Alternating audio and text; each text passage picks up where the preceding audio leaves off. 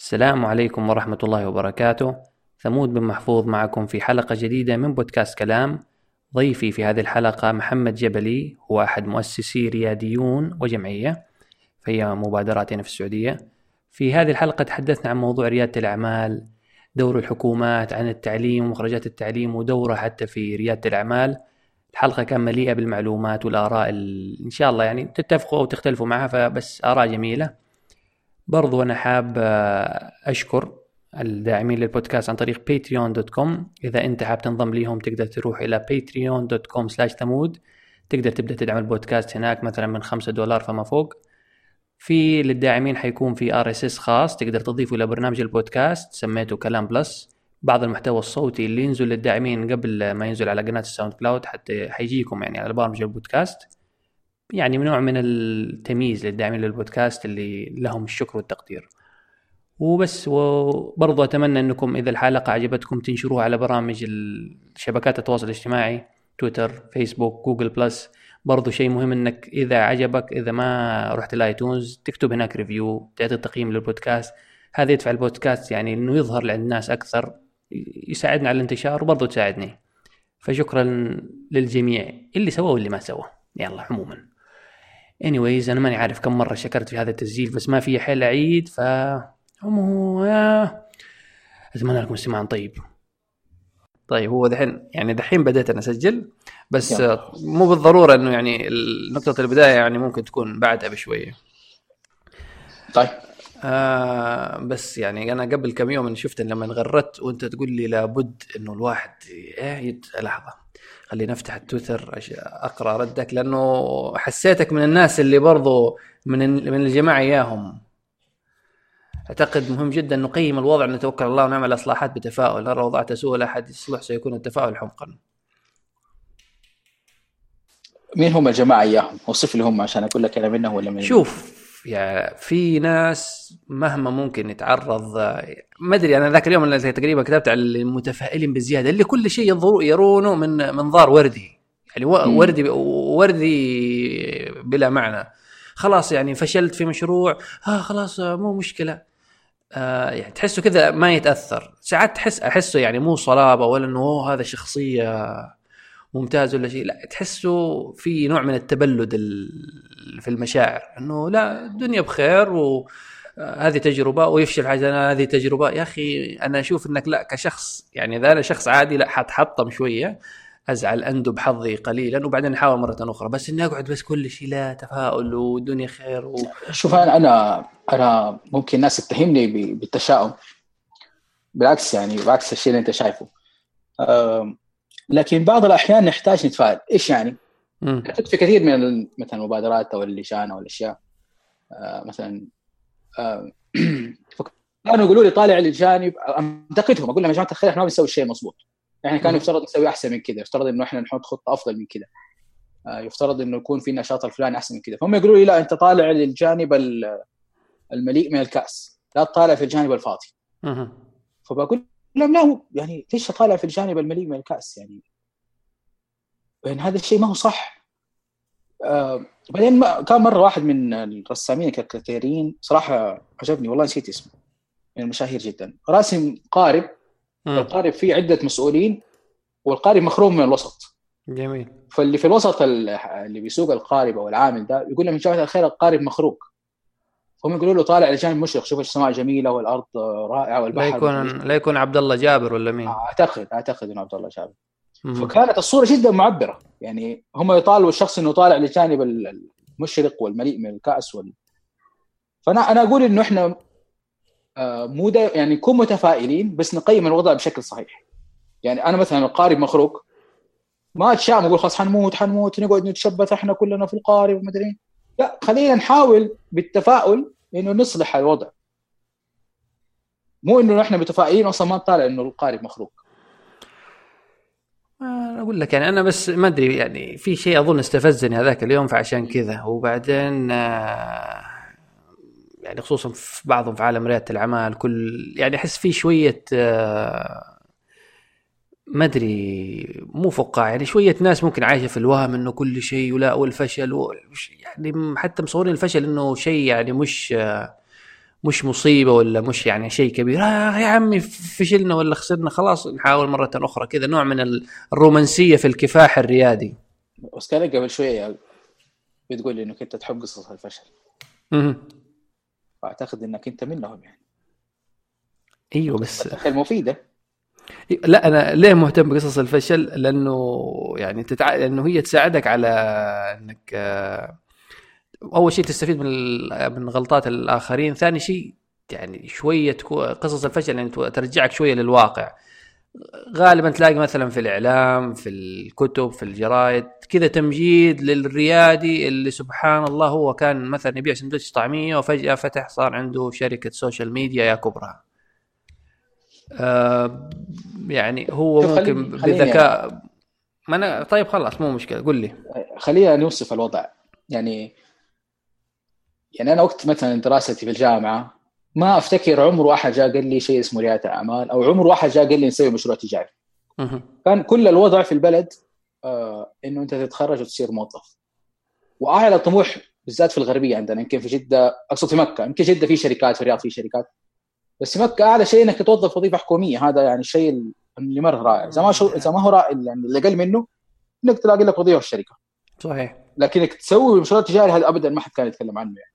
يعني حتى كانت التجمعات التقنية أنا فاكر مكة Geeks وغيرها بايتات كانوا كلها مشوا يتكلموا عن ال... عن خوارزمية جديدة عن كيف أطور في لغة البرمجة الفلانية. ابدا ما حد يقول أنا سويت مشروع تجاري ومحتاج فريق عمل إنه يسوي مشروع أو فكرة فلانية. ما كان في ذا الكلام. اللي صار إنه الدولة تفاجأت إنه في نسب بطالة بتزيد بتتزايد يعني. والوضع صار مو طبيعي. وبالذات إنه كثرت الجامعات. والجامعات صارت تخرج ناس أكثر من أول. سواء من جامعات ولا من معاهد تقنية ولا سواء حتى في جامعات ولا في جامعاتهم الناس زول بيكبروا وبيبدوا يخشوا سوق العمل. فلقوا إنه نحن لازم آه نحفزهم لشيء آخر غير الوظائف. ما حنقدر. طبعا جاءت المبادرة من آه الملك عبد الله الله يرحمه لما قال إنه نوظف الناس وهذا فوظفوا ناس كثير بس ما زال في بطالة نسبتها عالية جدا طيب إيش الحل؟ قالوا إحنا لازم نتوجه إلى آه، ريادة الأعمال أو إنه نحن ندفع الشباب إنهم هم يكونوا تجار أو إنهم يسووا مشاريع تجارية. جميل. هذا التوجه اللي من فوق الآن هذه السلطة اللي فوق تبغى تبغى ذا الشيء، طب مين ينفذ ذا الشيء؟ مين اللي يروح يدفع الشباب لسوق العمل أو إنهم هم يصيروا مثلا رواد أعمال؟ مين هم؟ قالوا يلا يا جماعات تولي المسؤولية، يا غرف تجارية فرضا شيلي حمل شوية، يا مدري مين شيل حمل. صارت زي النوع من المبادرات. طبعا ما هو غصبا عنه. يعني في جامعات بادرت في جامعات ما بادرت. ما نعرف. في غرف تجارية تحركت في غرف ما تحركت. في مثلا إدارات تعليم مثلا في مدارس تحركت سوت شيء في ناس ما اللي صار إنه الناس ما هي فاد ما هي فاهمة ريادة أعمال. وحتى الناس اللي يتحركوا مو تخصصهم رياده اعمال. يعني فرضا تلاقي دكتور في الهندسة دكتور مثلا في في الجغرافيا دكتور في الكيمياء دكتور في الحاسب. ما هم ما يعرفوا بالضبط إيش هي رياده الأعمال. لكن كذا قريوا عنها سمعوا عنها شافوا أمثلة فرضا حبوا الشغلة وقالوا خلينا نتعلم ومنها نساعد الشباب. وطلعت أغلاط طلعت مشاكل كثير طلعت آه يعني هم مثلا مرروا أشياء ما هي صح. طيب قبل لا نستفيض مثلا أنت تعريفك لريادة الأعمال يعني ومن وجهة نظرك يعني ما أدري هو تعريفك حيكون التعريف الصحيح ولا ناس غيرك حيقول لا مو فاهمين. أنت من أو من وجهة نظر إيش تشوف هي ريادة الأعمال؟ طيب أنا يعني أنا تخصصي حاسب آلي. الحاسب الآلي ومن قبل الحاسب الآلي من أيام المدرسة ما كان في شيء له تعريفين. كان كل حاجة لها تعريف واحد في حياتي كلها. في المدرسة أو في الجامعة والجامعة طبعا في تخصص الحاسب ما في ما في أصلا مستحيل يجي تعريفين. هو في النهاية صفر وواحد true false ما ما في شيء إنه ممكن أستخدم الدالة دي مرة تسوي لي كذا ومرة أستخدمها تسوي لي شيء ثاني. المخرج واحد. فلما إذا الدالة random تختلف المخرج. آه، يختلف المخرج لكن بتسوي نفس العملية. هي في الأخير هي نفس العملية. أيوه يعني اللي بعرف لك دائره ال random يقول لك هي دالة تقوم مثلا باختيار رقم عشوائي من من كذا لكذا حسب حددت لها شيء فلان. لما دخلت في هذا العالم آه وبالمصادفة أنا دخلت يعني. كيف دخلته؟ كيف دخلت يا سلام؟ أيوه خلينا نرجع لورا شوية. أنت كيف دخلته؟ وأنت طيب. ما شاء الله ذحين ريادي وتسبح في الكثير من الأموال وتحدثنا من على مقعدك الوثير. لا أنا لست ريادي ولا أبحث ولا أسبح على كثير من الأموال. لكن خليني أقول لك حاجة. أنا كنت يا طويل العمر آه، أيام الحاسب وأيام الدراسة كنا نحب نسوي تجمعات ولقاءات وزي كذا ونتكلم في مواضيع فرضا. في أمور الحاسب. كان وقتها آه، جوجل بتحاول تنشر مجموعات المطورين في العالم العربي اللي هي ال GDG أو الجي جي تي يو جي كانت أيامها كذا اسمها. إيه Google Google Developer Group Groups إذا ماني غلطان. بالضبط. ف طاهر البلوي آه، سوى مجموعة في جدة. فإحنا كنا في مكة نقول ليش ما في؟ أو أنا كنت أقول ليش ما في في مكة؟ نبغى كمان نسوي تجمع نفس الشيء.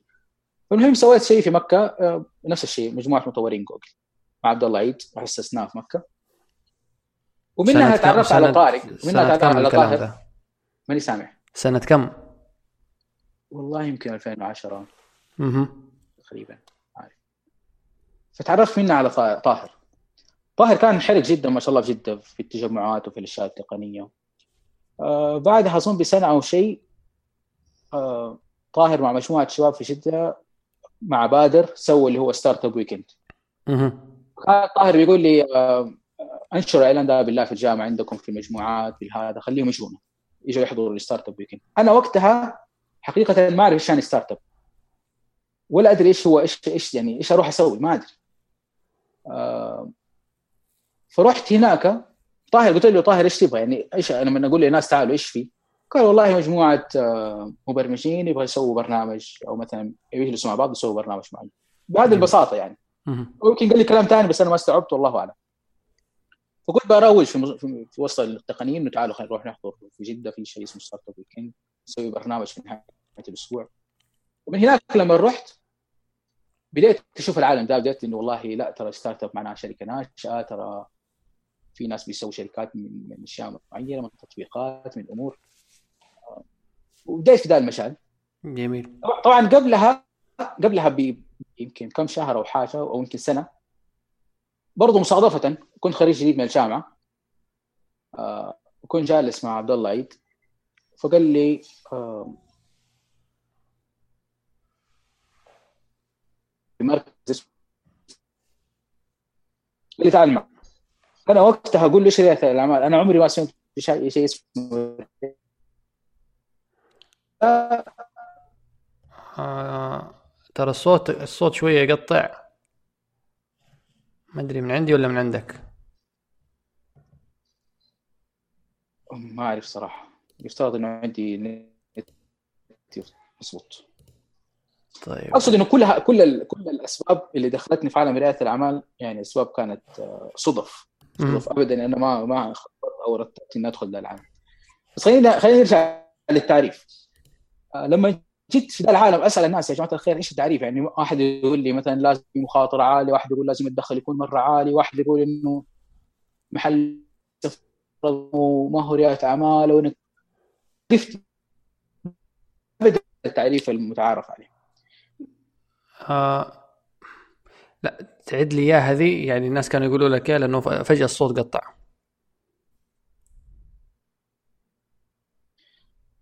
آه مؤخرا طبعا شريكي حسن باتي في رياديون آه، كان بيتكلم عن أو قري ورقة علمية أو بحث مسويه مدير مدير مركز آه، ريادة الأعمال في MIT كان بيقول إنه في نوعين من ريادة الأعمال. في حاجة اسمها ريادة الأعمال الصغيرة أو هذه تعريبا إحنا عربناها كده. اللي هي ريادة الأعمال الصغيرة. في حاجة اسمها ريادة الأعمال الابتكارية أو القائمه على الابتكار. ريادة الأعمال الصغيرة هو بيقول أي محل محل بيتزا محل إن شاء الله فول وتميس أي محل هذا يصنف تحت ريادة الأعمال الصغيرة. وأي شيء قائم على الابتكار فرضا زي مثلا شيء جديد مثلا زي تويتر زي إنستغرام زي فيسبوك زي أي حاجة. زي أبل لما تسوي حاجات قائمة على الابتكار هذا تسمى ريادة الأعمال الابتكارية. ريادة الأعمال الصغيرة غالبا أنها ناجحة. إذا الواحد سواها بشكل صحيح وبترتيب معين وسوى دراسة جدوى واختار مكان المحل المناسب و غالبا هو المشروع هذا قد قبله سووه ناس ونجحوا. فغالبا هو حينجح. إلا إذا غلط غلط فادح. الثاني رياده الأعمال الابتكارية الأصل إنه هو فاشل.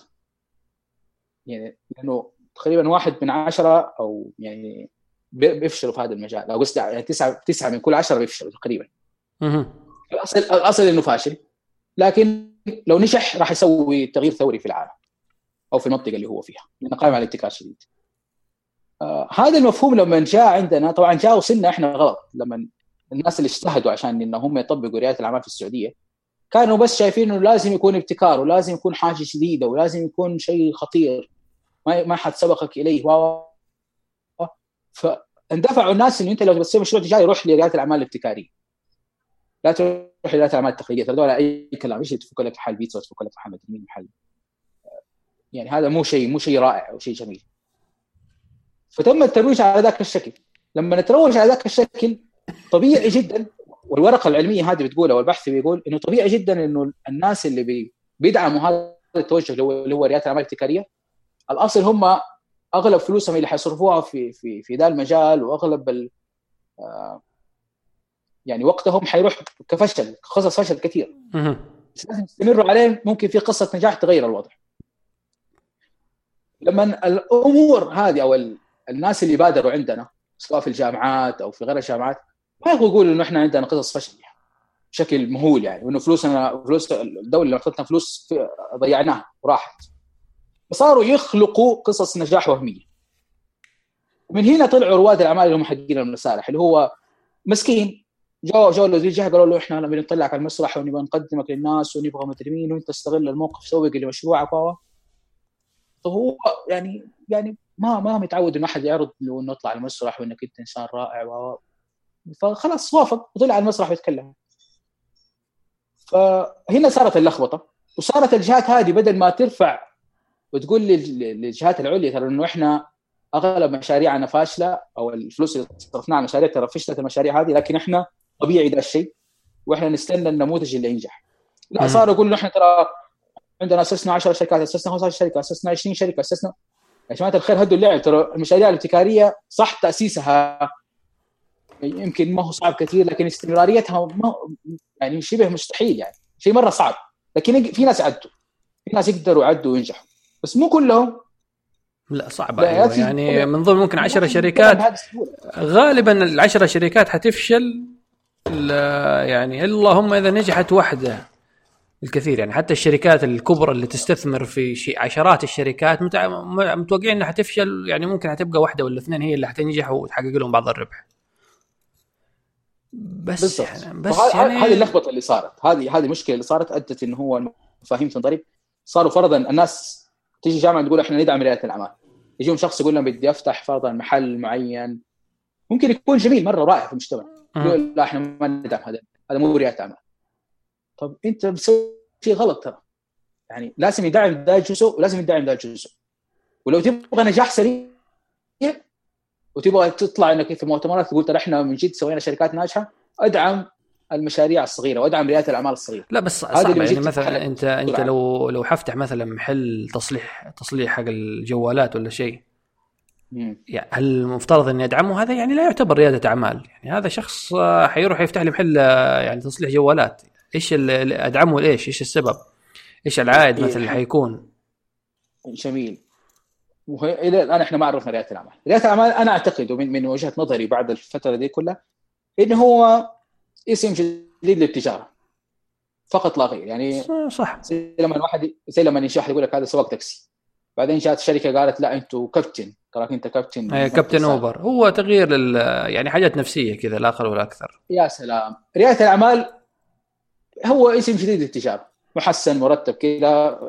شيء جميل. بدل ما تقول إنه أنا صاحب محل بيتزا فرضا أو أنا عندي محل فول وتميس لا يقول لك أنا رائد أعمال. عشان الشباب تدفعهم لهذا المجال عشان تروح والله اشتغلوا. آه، هو يعني أنت الناس توجهوا للسباكه قول لهم ترى انت مهندس صحي أنت مدري مين. خليه ينبسط. هو تغيير لأنه عشان يعني بعض المسميات ارتبطت في باذهان الأشخاص في يعني بصور نمطية معينة. يا سلام. فأنا لما ح... فيعني أنت لو فاتح محل فول ما حقول عليك مثلا بياع فول اسميك مثلا مبدع مو إيش اسمه صانع فطائر بدل حق تمييز. أو حتى سميه سميه رياده اعمال إيش المشكلة؟ خليه يظبط محله خليه يرتب خليه يحس إنه أنا طبيعي بس يعني بس أنا جميل يعني أنا بس المفروض إنه أنا أدعمه يعني على كذا حيتقدموا لي. يا أخي طب مئات الأشخاص اللي كل واحد حيفتح مثلا مطعم بيفتح محل طعمية بيفتح محل فول. أنا لازم أدعمه. أنا كحكومة لازم أدعمه. ما هو ما هو شيء إنه اختياري بالنسبة لي. أنا لو ما دعمته هذا هذا عاطل. هذا حيزيد نسبة البطالة في البلد. جميل بس البطالة أنت تبغى مثلا أدعم كل الناس؟ أنا ما حدعم كل الناس. مو كل الناس حي... حيتحملوا المخاطرة دي. في واحد حيسوي محل مثلا محل مثلا حنتكلم عن محل زي قرموشي فرضا ولا زي الواقدي ولا دي محلات حقت الفول والتميس والمعصوب ولا الاشياء دي تخيل إنه هو سعودي سوى المحل وادعم وظف له فرضا 20 سعودي. أنت تخش المحلات تلاقي اللي يسوي المعصوب هنا واللي حقين الفول هنا. كلهم سعوديين فإحنا لو دعمنا ذا الجانب هذا المحل الشخص الواحد ده اللي دعمناه يعني غطى لي مثلا 20 أسرة في البلد. عايشين بكفاف والحمد لله ما عندهم مشكلة. ما ما يتوجهوا للسرقة ولا يتوجهوا لأشياء أخرى مثلا تجارة مخدرات ولا أمور أخرى. فلو تخيل إنه إحنا يعني هذا سوى محل فول وهذا سوى محل مدري مين وهذا سوى محل تصوير وهذا سوى محل رائع. انت بتغطي بالذات لو كانوا سعوديين العمال. أنا ما أقول لك أدعمه وخليه يروح يجيب أجانب. هنا مصيبة هنا كارثة. يعني. ولا ادعمه ويروح يجيب أجانب وتستر عليهم.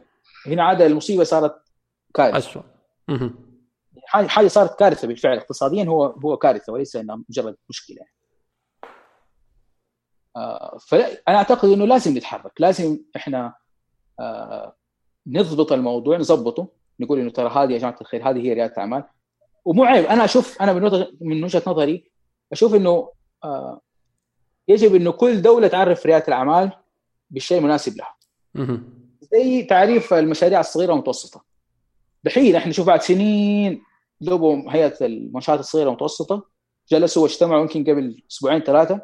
أخيرا أقروا إيش هي إيش التعريف الصحيح للمنشآت الصغيرة طبعا المنشآت المتناهية الصغر والصغيرة والمتوسطة. أيوه. الحين عرفوا يقسموها. بعد سنين وكل تعريف يعني السعودية تقس أو تعرف المنشآت الصغيرة والمتناهيه الصغر والكبيرة بتعريف معين. ممكن دولة ثانية جنبها تعرف بتعريف ثاني. بس أنا لازم أعرفها عشان أعرف مين دولة وكيف أتعامل معاهم آه كيف أحط لهم قوانين مين دولة وكيف أتعامل نفس الشيء. فرواد الأعمال أو ريادة الأعمال أنا لازم أعرفها عشان خلاص كل اللي في البلد كل الجهات الداعمة كل المنشآت كل الأشخاص اللي بيعرف نفسهم كرواد أعمال عارفين إنه هل أنا عارف نفسي كذا ولا لا؟ هل الجهة دي حتدعمني ولا لا؟ لكن أنا أروح لمعهد رياده أنا رحت لمعهد رياده زمان. أقول لهم أنا عندي فكرة تطبيق ومترمين ونسوي شيء ثاني. قالوا لي إحنا ما ندعم التطبيقات. يا جماعة الخير يعني أنتم كاتبين معهد رياده والرياده كلها تتكلم عن التطبيقات والأشياء هذه وفيسبوك وتويتر وإنستغرام. ما أقول لك بسوي شيء زي كذا مرة لكن في النهاية هو موقع أو تطبيق يعني قائم عليه مثلا وسيط أو حاجة. فقالوا والله إحنا ما نقدر ندعم دي الأشياء وما ما نفهم فيها كثير. لكن لو تبغى تسوي لك محل إحنا ننفذ بالمقابل لو رحت انت فرضا لجهة ثانية تدعم رواد الأعمال تقول لهم بسوي محل يقول لك لا ما هي رعاية اعمال ليش؟ لأنه أصلا ما في تعريف متفق عليه أو رسمي أو مثلا تم الاتفاق عليه في البلد. هذه مشكلة هذه مشكلة إحنا لازم نعالجها. الآن رؤية 2030 من من أساسياتها من الأشياء الأساسية فيها دعم رياده الأعمال. إذا ما في تعريف والناس كل واحد يعرف بكيفه وهذا يقول كذا وهذا يقول لا كذا وهذا كيف حن كيف حنروح إحنا لهذه الرؤية؟ كيف نوصل لها إذا إحنا ما عندنا تعريف؟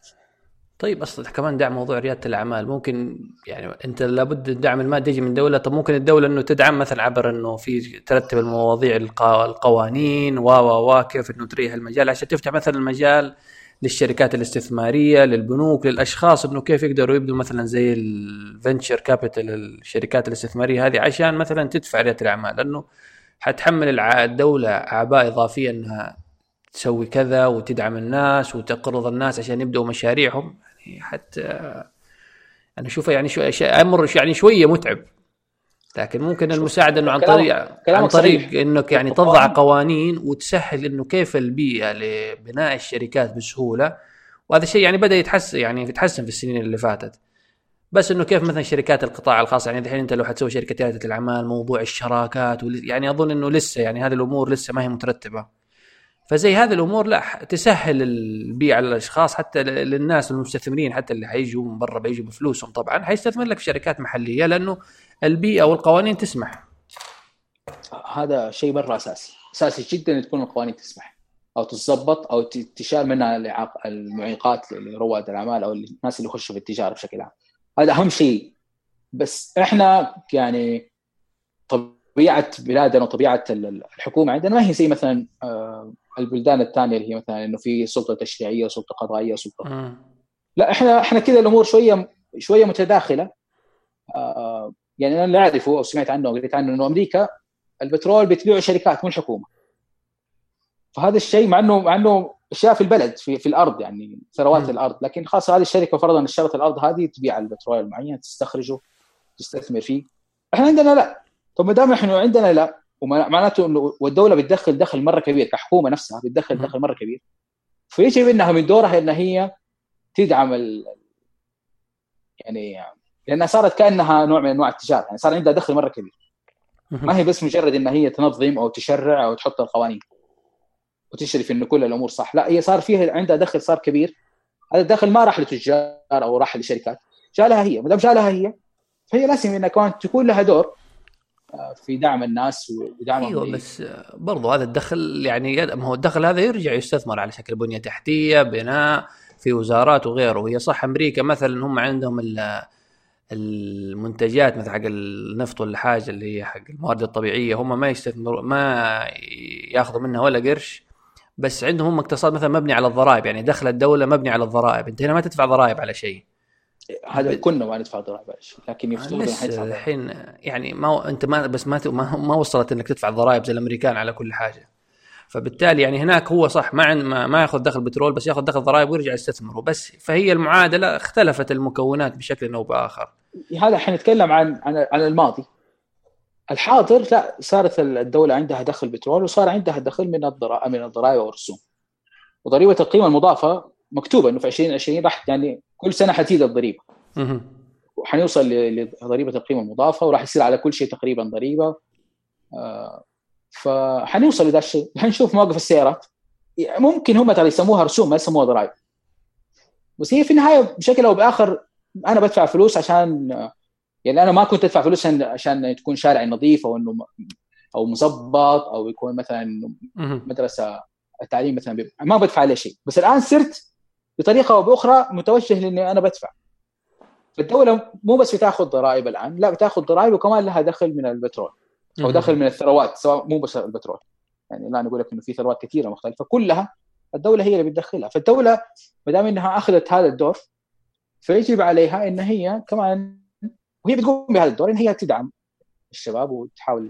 هو الحين في الفترة الأخيرة في الكثير من المنتديات لاقي في المؤتمرات التجمعات يعني محاولة لكثير إنها تحاول إنه تخلق بيئة ريادية تدفع الناس تعرف الناس تضيف المشاهير من أصحاب الشركات والمطاعم وغيرها وغيرها اللي يحفزون الشباب. بس أنت لسه بس بس أنت ما تحفزت أنت للأسف يعني ما التحفيز لا شوف أكبر مصيبة أنا أنا واجهتها يعني خلال تقريبا أنا دخلت في العالم من 2011 آه 13 آسف من عام 2013 تقريبا. أو 12 إلى اليوم أنا شايف أكبر مصيبة إنها أوكلت هذه المهام إلى أشخاص موظفين. أصلا ما هم رواد أعمال. كيف موظفين؟ يعني مثلا مثلا لما أقول لي جامعه أروح أدعم رواد الأعمال أو أقول لي جهه فرضا معهد ريادة فرضا أروح أدعم رواد الأعمال أو إيش أقول لي بنك تنمية. هذول الناس اللي قاعدين يدعموا اللي شغ... اللي يجيبوا رواد اعمال ويجلسوا معاهم ويتناقشوا هل أنت تستاهل ولا ما تستاهل كلهم نهاية الشهر بينزلوا لهم رواتب. هم أصلا ما عاشوا الدور. ولا ولا عندهم الإحساس الريادي ولا عندهم إحساس الشخص ده ابدا مو ما هم حاسين يعني عادي يأخروا فرضا بالأسبوعين بالثلاثة بالشهرين يماطلوا معاه. ما فرقت هم راتبهم بينزل. لكن هو المسكين بينحرق. لا أنتوا أخرتوني أنتوا هم يحسوا إنه أنت إيش يا قلق؟ اهجد يعني عادي يعني؟ كل كل الدوائر الحكومية تتاخر جات علينا إحنا. هذا هذا الإيكال المهام لناس موظفين. خلى الوضع مرة مزعج خلى الوضع هو يعني هو أصلا أي جهة لو حتستلم وتدير ولا تسوي وتقابل كلهم في النهايه حيكونوا موظفين. اي بس لما تكون جهة استثمارية زي ما أنت قلت حيكون شيء رائع. من يعني, مص... يعني قصدك إنه الجهه الاستثماريه حيكون من مصلحتها إنها تقابله بسرعة ولا تدعم ولا تقيم له الفكرة بالزبط. بسرعة على أساس حنستثمر فيه ولا لا؟ بالضبط. إحنا الجهات الحكومية اللي صايره ما هي استثمارية هي مشارة تعطيك فلوس وتقول لك يلا رد اللي هي بشكل قرض أو إنها ممكن بعض الاحيان تسامحك كمان في الفلوس. ممكن تعطيك هيك هدايا تقول يلا نسوي مسابقة ونوزع فلوس نسوي مثلا حاجات زي كذا يعني. تصور خذ لك صورة جنب الشيك وامشي. يعني حاجات زي كذا. فهذا هذا اللي خربط البيئة. هذا اللي خلاها بيئة كذا فيها شلل فيها إعاقة. لأنه أصلا ما في يعني هل في رؤوس أصلا استثمار كبيرة؟ يعني شركات استثمارية خاصة كثيرة لسه ما في. فيعني ما هو هم يحاولوا إنه يخلقوا بيئة بس يعني لسه أنت لا تتوقع إنه التغيير يتم بين يوم وليلة يعني تنادي كل يعني أنت اشوفك شوية مستعجل إلى حد ما. آه لا ما هو ما هو استعجال. إحنا يعني السوق الريادي أو السوق التقني أنا ما بنافس بس في السعودية. أنا لما أنزل موقع وأنزل تطبيق وأنزل حاجة فأنا بنافس السوق العالمي صحيح. فاذا أنا لسه أقول أنا مثلا إحنا نتكلم في رياده الأعمال فرضا من 2012 و2011 أو قبلها لليوم وإحنا لسه ما إحنا عارفين نرتب الأمور ولا عندنا قوانين ولا عندنا تعريف. طب متى؟ متى إن شاء الله نجلس ونظبط الأمور هذه؟ يعني والمصيبة الأكبر طبعا هذه هذه واجهتني أنا شخصيا شفتها. تجي جهة من الجهات تروح تطلع في المؤتمرات تقول الشباب إحنا ندعمكم وتعالوا ونعطيكم كل حاجة ونسوي لكم. واي أنواع دعم عشان تسوي مشروعكم إحنا مستعدين نعطيكم هو. ولما يجوا الشباب يبغوا الدعم الجهات هذه ما هي عارفة تدعم أصلا. ما هي عارفة تقيم المشروع ده مربح مو مربح؟ هل هو يستاهل فلوس ولا ما يستاهل؟ ما هم عارفين ولا ليش؟ حاجة. يعني اللجان اللي تقابل ولا الناس المسؤولين على التقييم آه، إيش يكون خلفيته؟ ما يكون ما يجي مثلا تجار ناس أصحاب خبرة ولا كلهم بس؟ موظفين موظفين فينا. طب هو موظف بس يعني حتى الموظف هذا يعني ما جابوا مثلا مستشارين شيء لابد يكون في مثلا جهات يستشيروهم على أساس حتى آه، يعني آه، للأسف حتى المستشارين ترى تخصصاتهم ما هي ولا يمكن عندهم شركات ولا بس شخص مهتم. إحنا إحنا عندنا الشخص المهتم بذا المجال أنا عن نفسي أنا فرضا أنا لما مسكت منصب أو مسكت حاجة أنا ماني متخصص في ذا المجال. لكن الوضع فاضي الساحة فاضية أصلا. يعني إذا أنت مهتم وتتحرك شوية فخلاص أنت يعني أنت تعتبر كنز يعني ما في غيرك. أنت خ... أنت خبير. يعني أنت في الإطار اللي حاطين لنا هو الدولة فرضا هم لما كجامعة تبي تسوي مثلا قسم رعايه أعمال. وتبي تحط عليه فرضا شخص. لازم الشخص ده يكون في من الجامعة ويكون أكاديمي. ما أقدر أروح أجيب واحد من السوق وأحطه. أو أو كله مهمة انشاء هذا القسم. قوانيني ما تسمح. فضمن الإطار هذا جيبوا أي أحد يكون في له بذرة كذا في له يبي يتحرك يبي يسوي شايل الهم ده. إن شاء الله ما يكون فاهم كثير. وهذه الأشياء برضه معيقة. يعني هذه هذه أشياء معيقه شيء يعني يعني اللي تسمعه مثلا ولا تقرأ عنه ساعات في بعض الدول مثلا في أمريكا تلاقي مثلا أشخاص من مؤسسين الشركات ولا شيء يقول لك جاء فترة درس آه، كورس في أظن يعني حاجة في ال business أو شيء في الجامعة الفلانية عشان يستفيدوا من خبراته مع إنه يمكن هو حتى ما هو دكتوراه ولا خلفيته أكاديمية بس يساعدوه على أساس أظن يطوع خبراته اللي كونها في سوق العمل ولا في ريادة الأعمال على أساس يحولها إلى كورس يستفيدوا منه. شوف التجربة هذه جامعه ام القرى حاولت تسويها وأعلنت إنه إحنا حنسوي مواد في رياده الأعمال. وما زال يعني محاولات مع إني أعتقد إنها هي الآن ما هي يعني خلاص الناس اللي كانوا رافعين الرايه ممكن شوية تعبوا. آه الأمر مرة صعب. يعني حاولوا ان هم يكلموا رواد أعمال وأصحاب شركات آه ناجحة في المجتمع. تعالوا أنتم درسوا. أنتم مثلا تكلموا في التسويق أنتم تكلموا في الأمور هذه واشرحوا جميل. كيف أنا أبيع وكيف أنزل السوق وكيف أخلص الأمور القانونية. واجهوا إنه القوانين جدا القوانين كلها تمنع هذا الشيء. أول شيء يقول لك هذا ما هو أكاديمي وهذا يمكن ما هو حاصل على شهادة في التخصص. بعدين إيش يقولوا لك أنت كيف أصلا تدرس مادة وأنت ما عندك آه، بكالوريوس؟ كمثال مثلا ما تدرس أنت ما عندك كذا خط طب يا أخي لا يدرس آه، يعني يقعدوا معاه يعد يحاولوا يعدوا منهج وهو يعتبره كاستشاري مثلا. افترض أفترض إنه يعد المنهج. تيجي الآن الجهة اللي بتعد المنهج وبتظبطه مو هي راح تدرس هي لازم تروح للكليات الثانية والكليات الثانية توافق إنه الكورس هذا يدرس عندها تروح لكليه ثانية يقول لك آه، إحنا أصلا يعني خطتنا مليانة وإحنا محتاجين مادة زيادة فتروح تكفى يا جماعة الخير ترى في حاجة اسمها رياده اعمال يقول لك إيش رياده اعمال؟ إحنا أصلا جامعة يفترض نطلع ناس أكاديميين ما نطلع ناس تجار إيش دخلنا إحنا في الموضوع؟ وتواجه يعني مشاكل وبلاوي. يعني بعضهم مفهوم من إنه يشوف إنه بس وظيفته يخرج ناس آه، باحثين فقط؟ هذا الأغلبية ترى. الأغلبية في الجامعات هو شوف إنه أنا أنا أكاديمي. أنا أطلع ناس اكاديميين ما أطلع ناس يعني تجار مو شغلت مو تجار. هو يعني الفكرة من الأخير إنك حتطلع أنت جيل يعني جيل جاهز لمواجهة مثلا تحديات المستقبل ومتطلبات المستقبل. أنا ليه أدرسك في الجامعة ولا شيء إلا اجهزك أعطيك مثلا بيدك السلاح البسيط هذا للمستقبل. عاد انت تختار انك تكون موظف أو انك تكون تاجر هذا خيارك الشخصي. بس أنا ليه اعطيك المعلومة؟ زي اعطيك ألف باء الحياة وانت روح بعدين دوس. بس إنه لا نظرتي إني حخرج شخص أكاديمي يخرج من جامعتي يروح في مختبر ولا يقعد باحث. اذا يعني نفترض إنه كلهم صاروا باحثين. طيب بالنهاية الإنتاجية إيش حتكون؟ إذا كلنا باحثين مين اللي حيدف... مين اللي حيصرف ولا مين اللي حيجيب الفلوس؟ شوف غريبة. كلامك صحيح 100% لكن اوضاع جامعاتنا ترى جامعاتنا آه، مو تغرد خارج السرب. هي أصلا ما تعرف إيش هو السرب. يعني ليش؟ أنا أنا أقول لك ليش. يعني. قاسي أحسك شوية عليهم. لا أنا أنا يعني أنا عايش في وسط الجامعات أو شايف الشيء اللي بيصير. ليش أنا أقول لك ذا الكلام؟ الان الجامعات يجي الشخص يدرس في ابتدائي ومتوسط وثانوي بعدين يخش جامعة ويتخرج من الجامعة هم بيشوفوا أفضل الطلاب المتخرجين ويعينوهم فين؟ كمعيدين أو ناس أكاديميين في الجامعة. ويطلعوا دولة وياخذوا ابتعاث ويرجعوا من الابتعاث. وخلاص حياتهم في الجامعة. أصلا هم لا شافوا سوق العمل. لا هم جلسوا مع مثلا آه، أشخاص آخرين يقولوا لهم إيش التحديات وإيش مشاكل البلد. ما ما في شيء. يعني هو فرضا يعني مثلا لو شخص في الحاسب حيطلع يعني يتعلم شيء في الخوارزميات يسوي له مثلا بحث دكتوراه في موضوع ده معين وحيرجع. هو ما يعرف هذه الحاجات كلها. يعني هو ابدا ما ما هو يعني هذه حاجات ممكن نقول هي ثقافة عامة. وإذا أنت حاب تقرأ في أمور البلد والأغلبية يقول لك يا رجل إيش دخلني أنا؟ خليني في شغلتي في أموري في تدريسي في ما لي صلاح هذه ما ما هو شغلتي. فاللي صاير إنه هم مرة يعني وهذا اللي مسبب البطالة العالية ومسبب إنه والله الشركات ما تبغى خريجين الجامعات وتروح تجيب ناس من برا. وعدم الثقة في الشباب السعودي.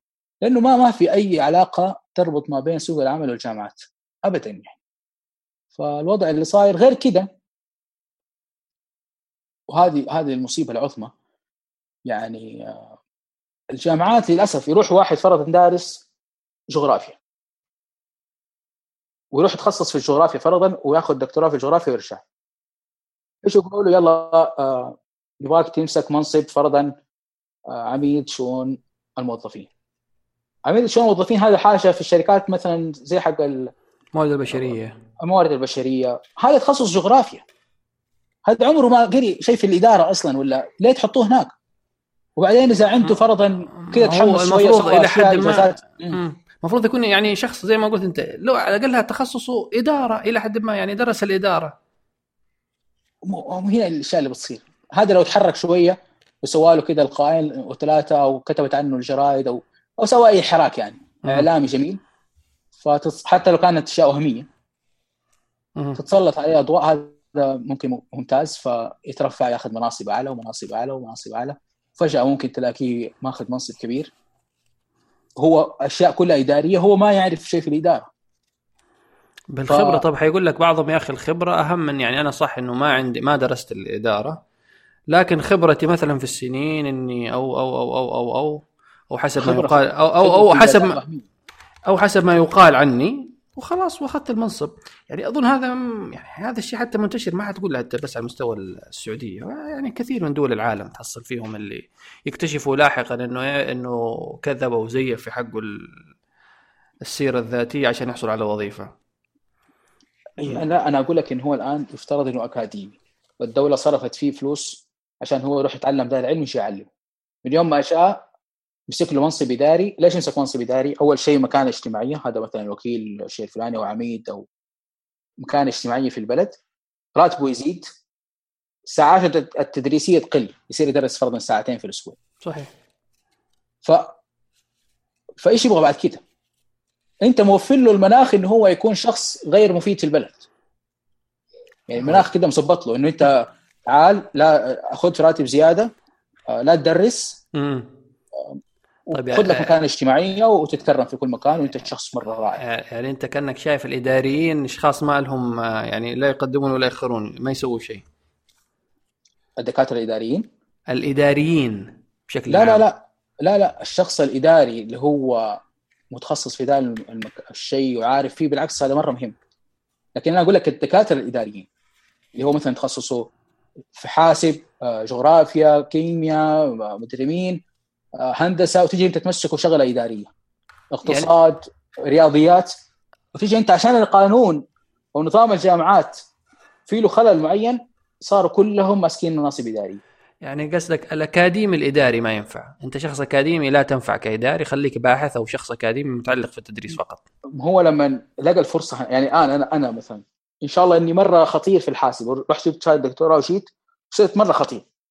لما الاقي إنه أنا لو صرت اداري فلوسي زي زيادة ومكانتي الاجتماعية أفضل وأتعرف على ناس كثير ومكانتي هذه أخش مثلا جهات وأقول لهم أنا ترى الفلان الفلاني. هذا راح يخليني أبطل في في التدريس ممكن أبتعد عن الأمور البحثية ونشغل في الأمور الاداريه سنة سنتين ثلاثة أربعة تعودت على الوضع تلاقيني أصلا نسيت الشيء اللي أنا تعلمته والشيء اللي الدولة صرفت عليه فلوس عشان أروح أتعلم ذا الشيء. وخلاص هذه الأغلبية اللي بتصير في الجامعات. ها يا رجل في ناس من قبل لا أصلا ياخذ شهادة الدكتوراه ويرجع يتصلوا عليه. الإدارة الفلانية ولا المركز الفلاني الاعمال الفلانية. نبغاك تكون عندنا في المنصب الفلاني. من يوم ما يرجع على طول منصب ومجهز ومظبط. شغل إداري على طول. طب العلم اللي تعلمته حرام. عشان كذا مخرجات الجامعات مرة ضعيفة وعشان كذا إحنا مضطرين نجيب أجانب يدرسوا. عشان عشان البيئة مهيئة بشكل خاطئ. طبعا يجب يجب إنه أحد يجي من خارج السلك الأكاديمي ويعدل الوضع ده. لأنه ما يعني صعب إنه يجيك واحد أكاديمي يعدل الهيكلة دي اللي صايرة. لأنه هو مصالحه في تضارب جزء هو, هو جزء من هذه المنظومة. أيوه لو عدى هذه الأمور هو ممكن ينضر. ممكن هو بعد كذا ما ياخذ المكانة الاجتماعية دي أو الشيء الفلاني. ولازم مش أحد من برا يعدل المنظومة دي. المنظومة هذه ما ما هي أنا احس إنها ما بتفيد كثير في البلد. طب أنت هذا الواقع. يعني انه نقيم الواقع أغلب الجامعات ما بتطلع ناس مؤهلين لسوق العمل. ولا أحد يبغاهم. حتى لو صاروا مدرسين تلاقيه مدرس طيب يا أخي أصلا يعني يعني عموما الجامعات هل لابد أن كل مثلا يتخرجوا منها نجوم فنانين؟ يعني حتى الجامعات العالمية مثلا كثير نسبة كبيرة من من الخريجين يروحوا موظفين. ونسبة مثلا القليلة اللي تسمع عنهم إنه سوى شركة أو أو أو بنى ساعات يعني هذه الأمور ما يكون ما يكون ذنب الجامعة بس إنه يكون الشخص مثلا هو اللي تخرج إنه عنده فكر واضح ولا شيء. فأنت مثلا ما تقدر تغير الأشخاص نفسهم. أنا أقول لك إنه هو يصير موظف هو ما هو ما هو مؤهل إنه يصير أصلا موظف. ما هو عيب إنه يصير موظف ابدا. بس على الأقل يكون مؤهل. يعني انت أنت تدرسني 12 سنة في تعليم عام. وبعدين تدرسني أربع خمسة ست سنوات في جامعة. وبعد ده كله التعليم ده كله أطلع أنا ماني مؤهل لسوق العمل؟ طب ليه أنت ماسكني؟ ليه انت مخليني اتعلم ده كله؟ في النهاية أنا طلعت شخص كذا ما لي داعي في ال... لازم ارجع أتعلم من جديد. وعالة على الشركات والشركات تقول لك لا ماني بن ماني بنسعود أو تحطني في وظيفة حكومية بطالة مقنعة. ما عندي ولا شغلة جالس جريدة وشاهي وقهوة. ولا شيء ما, ما عندي ولا حاجة. لأن أصلا ما مني فايدة. أنت عارف إنه أنا بعد السنين دي كلها ما ينفع أسوي حاجة. بس أصلا يعني نسبة كثير خصوصا مثلا يعني الجامعات ما حد يعني ما حتكون مواكبة مواكبة يعني في حاجات ترجع للاشخاص نفسهم زي في مجال الحاسب. نسبة كثيرة يعني نحن تخرجنا من الجامعات بتخصص حاسب. آه كثير من اللي درسته أنت في الجامعة تلاقيك لا تعول يعني ما يسوي لك شيء. بقدر مثلا ما كانت الدورات الكورسات الخارجية وغيرها وغيرها وغيرها هذه اللي مثلا ساعدتك إنك تحصل وظائف أو ساعدتك إنك تميزك في السيرة الذاتية حقك أكثر آه، من إنك يعني خريج جامعة. كلامك صحيح 100% طب نقفل الجامعات خلاص. لا. هو ممكن شوف المنظومة يعني كل دول العالم الآن يعني تسمع عن كثير دول تحاول إنها تعيد ابتكار المنظومة حق العمل.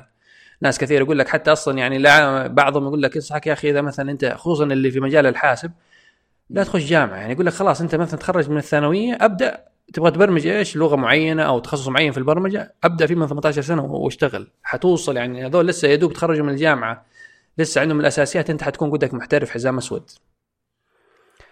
فعاد هذه قضية أخرى إنك تعيد تبتكر المنظومة التعليمية والمخرجات وربطها. يعني أنت شايف آه، في حاجات يعني بسيطة بسيطة صعب التنسيق فيها فإنك تنسق أنت الحين إنك تدعو إلى تنسيق بين الجامعات والشركات الخاصة وسوق العمل وفي يكون نوع من تبادل المعلومات إنه إنه مثلا خططنا لل صراحة أدعو أنا عن نفسي أدعو إلى إنه النظام التعليمي ده كله يتغير.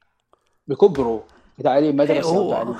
هو مطلب بسيط لكنه ترى كبير. أنا أنا متأكد إنه كبير بس إحنا من جد إذا بنغير الوضع إنه بنغير البلد الاساس التعليم. التعليم إذا صلح صلح كل شيء. لكن إحنا قاعدين أنا أنا يعني هذه قناعتي الحالية إنه إحنا م. قاعدين ننعش في في شخص ميت. مو إنه هو بيوشك الموت وإحنا قاعدين ننعش ونحاول نعدل. التعليم عندنا ميت يعني. طب هو ممكن هذه بعض المبادرات البسيطة عبر النشاطات الإضافية في الجامعة تحاول مثلا تضيف قليل من النكهة لل للتعليم تغير فيه شوية تعدل بعض الإعوجاج اللي فيه. ما تد... يعني لابد إنك تبدأ بحاجات بسيطة. أما تيجي بين يوم وليلة حتقول لا نحن حنغير كل حاجة. صعبة. طلع هي هي مش مستحيلة. هي هي مو مستحيل يعني هي مو مستحيلة بس يعني محتاجة مخطط آه، طويل طويل المدى. ما تجيني بين يوم وليلة تقول لي لا نحن حنغير التعليم وخلاص أنا ما أقول في يوم وليلة أنا أقول طلع شيء مواسي أنا أقول لك ما أنا ما قد قابلت أحد لا صغير ولا دكتور ولا كبير سألته مين اللي اخترع ذا النظام؟ مين اللي قال 12 سنة تعليم عام والله أنا أنا إذا ما ما أدري بس على فكرة أنا أصلا كتبت مقالة في هذا الشيء يعني آه. أنا أنا نفسي ما أدري أنت عارف قريته ولا ما قريته؟ صراحة ما مرت علي لا لا نشرتها في ثمانية يعني أسوي نفسي دعاية الحين. بس هي ترى يعني موضوع موضوع الدراسة في ثمانية ساعات يعني هو ما كان ما كان مبني على أساس علمي مرة. يعني هي زي اللي تقول كان تحسين يعني كل دولة كانت تأخذ من الدولة اللي قبلها وتحاول تحسن النظام التعليمي. بالإضافة إنه أصلا هو نظام التعليم القديم هذا كان يعني زي اللي تقول مخصص لل للقرن العشرين واللي قبله والقرن التاسع عشر الثورة الصناعية وغيره ونحن استمرينا عليه. إنه أنت تبغى تخرج جيل للمصانع والمصانع هذه محتاجين عمال يشتغلوا فيها ومحتاج مثلا محاسبين ومدراء وغيره وغيره. فهذه يعني بناء على ذلك إنه خرج يعني خرج الأنظمة التعليمية. بالإضافة لأنه قبله وقبله وقبله حرسل لك اللينك حتى بحطه بعدين في ال... لأنه قعدت قعدت قعدت يعني أكت... يعني إحنا تغيرنا. وإحنا واقع العالم تغير. إي واقع العالم طبعا تغير. بس يعني طبعا موضوع موضوع الدراسة هذا يعني مؤرق كثير من الدول. يعني هو أصلا منقول على فكرة من أوروبا وأمريكا بعدين تبنته. وطبعا موضوع 18 هذه سنة ممكن يقول لك عشان ليها ليها شيء مرتبط بالعمر القانوني. يعني أنت ليه تدرس لما عمرك 18 سنة؟ لأنه أظن في أمريكا 18 سنة هي في السن خلاص البلوغ القانوني. بعد كذا أنت مسؤول عن نفسك.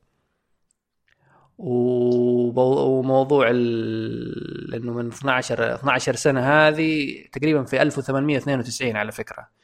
كانت هيئة في أمريكا شوف سنة كم؟ 1892 خرجت من ضمن هذه التوصيات إنه يدرس 12 سنة. الطلبة. طبعا هي أنت لما لما تتكلم على ذاك الوقت هم طبعا التوصيات هذه بناء على معطيات ومتطلبات هذاك العصر. ف يعني. يعني إحنا محتاجين تغيير جذري في الواقع. أيوه يعني هذا مو أنت هذا العالم كله يعني في في يعني ناس كثير. أنا ليه استنى العالم يغير؟ عشان أنا العالم أصلا مختلف. يعني أنا ما أنفع أروح أجيب تجربة أمريكا واطبقها عندي في السعودية. أقول هم مثلا هم عندهم وقتها مصانع عندهم دنيا وعندهم محتاجين هذا النوع من التدريس ومن هذا النوع من أنا ما عندي. أنا ما عندي نفس الطريقة عشان أنا أروح أسوي ذا كله. بعدين أنا لما جيت أخذت الطريقة هذه ترى غيرتها جدا جدا غيرتها. أنا اضفت مواد كثيره هي ما هي عندهم. يعني أو في المدارس العلمية. يعني مثلا مثلا إحنا عندنا في المدارس جزء كبير جدا من من الأسبوع التعليمي يروح في الأمور الدينية. هذا الشيء ما هو عندهم. هو مو في كل مدارسهم. يمكن مثلا المدارس اللي هي التابعة لل جميل. يعني حاجة. أنا غيرت. أنا ما دام غيرت فما حيخرج نفس المخرج. وحتى لو خرج نفس المخرج اللي نفترض أنا واقع السوق العام عندي ما هو ما هو أمريكا. يعني حيخرج لا ما عارف يسوي. طبعا إيش يسوي بعدين؟ ماني داري. زي عندنا وصلت الآن. يروحوا ناس ياخذوا فرضا آه، دكتوراه في بحث في حاجة مرة كده متخصصة. أصلا لو رجع السعودية لازم له مركز أبحاث عشان يشتغل. رجع ما لك لا مركز أبحاث ولا لك ولا حاجة. يضطر يسافر. ولا ولا حتى يقدر يسافر. خلاص هو جالس هنا في البلد. يسافر مين يصرف عليه. هناك يروح مركز بحثي ولا حاجة هناك. عاد هو بينافس العالم كله يعني. في هنود وفي مدري مين وفي صينيين. لو هو كان بهذه القوة أيوه حياخذوه يمكن مركز بحث هنا. لكن هو يمكن ما يكون يقدر ينافس العالم بس يقدر على الأقل لو رجع في بلده يلاقي له مركز بحث يعني. فإحنا ما عندنا وأنا دام ما عندي مركز بحثي ولا عندي هذه الحاجات ولا إني حاط فلوس عشان أسويها فليه أروح أقول لهم روحوا تخصصوا في هذه الحاجات؟ بيرجعوا هنا أقصى شيء حنبغاه منهم إنهم يسووا خدمات إلكترونية.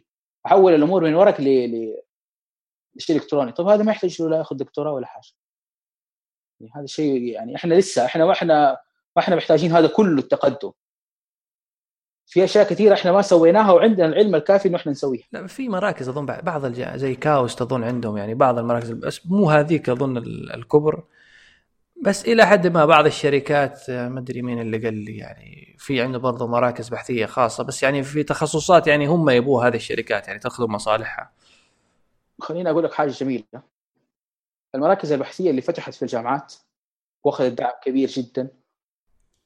تقريبا 99 منها تقفل والسبب؟ إنه ما في فلوس. كانت هو... كان عندها فلوس بالهبل يعني كانت تصرف بكذا يعني هذه هذه ط... ما هو هذه أصلا طبيعة المراكز البحثية، المراكز البحثية هي ما هي تجارية، هي تخرج بنتائج أبحاث عاد بعدين اللي هو ماسكين المركز يشوفوا كيف يقدروا يستفيدوا منه تجاريا.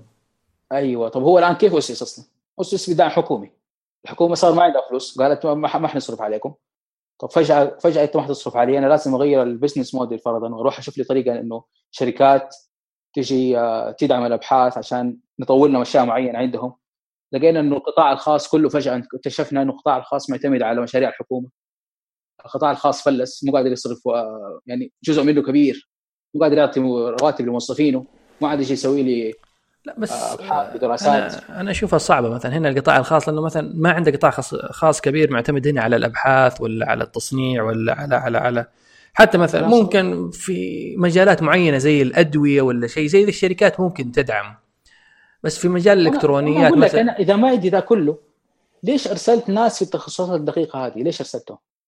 يرجعوا ما ما لهم لازمة، من جد يرجع وقتها يقول لك حطني في أي منصب إداري يا رجل سوي لي أي حاجة، أنا جيت هنا ماني إيش ماني عارف إيش أسوي. يعني هو راح درس أنا أعرف ناس راحوا درسوا شيء معين ومخصص جدا في مثلا في الذكاء الاصطناعي وفي الخوارزميات. مش هنا آه مثلا مسكوه خدمات إلكترونية فرضا أو حاجة معينة. شيء مرة أساسي شيء ما يعني ما هو شيء يبغى له دكتوراه. هو مو فاهم في دي الأشياء يعني هو ما درس. يعني الأشياء هذه الأساسية البسيطة هو ما درسها ولا يعرفها ولا قد جرب في حياته. هو راح درسوا حاجة مرة صعبة ومرة متخصص شيء معين رجع ما لك الشيء اللي هو فالوضع يعني آه، كان ملخبط. يمكن يحب يتقنن زيادة. آه، لكن ما زال يبغى له كذا يعني عشان من جد نطلع بالبلد وتصير أفضل بشكل مرة كبير. فيبغى لنا تغييرات جذرية يعني ما هو شيء بسيط. المشكلة إيه؟ الحين يعني بعد هذا كله يعني أنت بعد ما حطمت في ريادة الأعمال ما أنا بسألك الحين على رياديون بس. إنت كنت في البداية تقول لي أنا متفائل. لا بعد هذا كله أنت ما أنت متفائل. لا أنا قلت لك لازم قلت لك لازم نقيم الواقع. ما أنت متفائل لا ما أنت متفائل. أنا أقول لك لازم نقيم الواقع عشان نقدر نصلح. يعني دحين أنا متخيلك لابس حتى ممكن آه، يعني جلابية سوداء وقدامك شاشة كاسة قهوة سادة من غير من غير من غير سكر وعلى على على لابتوب أسود ميكروفون أسود على سجادة سوداء وليلتنا سوداء. والله أغلب المحيط عندي بني يعني ما سويت لسه لحد طيب خلاص فت... لكن لكن ها شوف اللوحه طيب قول لنا على رياديون طيب دحين شوية أدينا شوية جانب مشرق. انظر إلى الكأس الممتلئ. طيب أنا من فين طلعت رياديون؟ ببساطة بعد ما دخلنا ذا العالم آه اللي في البداية كنت إنه دخلت عالم رياديون كان عندي مشروع عندي فكرة آه رحت في مسرعه أعمال. جلست معهم. طبعا مسرعه أعمال حكومية ما هي ما هي تجارية أو ما هي يعني تجار. فهي المسرعات الحكومية أو أي شيء حكومي بيوصلك كذا في مكان معين ويسيبك يعني. يعني هذه قدرتهم. ما يقدروا بعد كذا يعني هم ما هم مستثمرين ما عندهم فرضا آه، مستشارين كثر ما عندهم علاقات قوية. فلما يعني تسبت في المكان ده كذا الفاضي لقيت إنه طيب بعدين؟ طب مين مين يدفني مين الخطوة الثانية؟ فين أروح؟ لا يعني انت, يعني كان عندك أنت كان عندك فكرة مشروع معين؟ أي كان عندي فكرة وكنا شغالين عليها بس يعني مثلا كنت أتأمل وقتها إنه مثلا ألاقي مستثمر والمستثمر هذا فرضا يدفني الدفه اللي بعدها لقيت فجأة إنه ما في مستثمر والجهة دي ما قدرت توفر أو تجيب مستثمرين عشان يعرضوا عليهم بالشكل اللي كان متأمل. فصار إنه الوضع خلاص يعني طب أي حراك في البلد يعني أي تجمعات بسيطة واحد مثلا جرب مع مستثمرين معينين يجي يقول للثانيين ترى في هناك شيء. يعني صار في زي الغموض كذا فطلعت فكرة الرياديون يعني أنا قلت لحسن وللشباب ليش ما نسوي حاجة كذا تجمع إن شاء الله في كفي بشكل دوري. تنتاقش هذا يقول لي فرضا شيء فلاني أنا أقول له شيء معين تجربتي هذا يقول لي من خبرتي هذا يقول لي أنا أعرف فلان ممكن أدخلك عليه. أي حاجة أهم شيء إنه في حراك على الأقل إذا ما حد قادر يدفنا أو أحد يساعدنا إحنا نساعد بعض. من هنا بدأت الرياضيون. آه، يعني كان هدفها الأساسي اللي هو التجمعات أو طيب اللقاءات الدوريه وأثمرت عنا يعني كم كم تجمع سويته من يوم على كذا اسسته؟ تقريبا تقريبا 15 14 تقريبا حاجة زي كذا.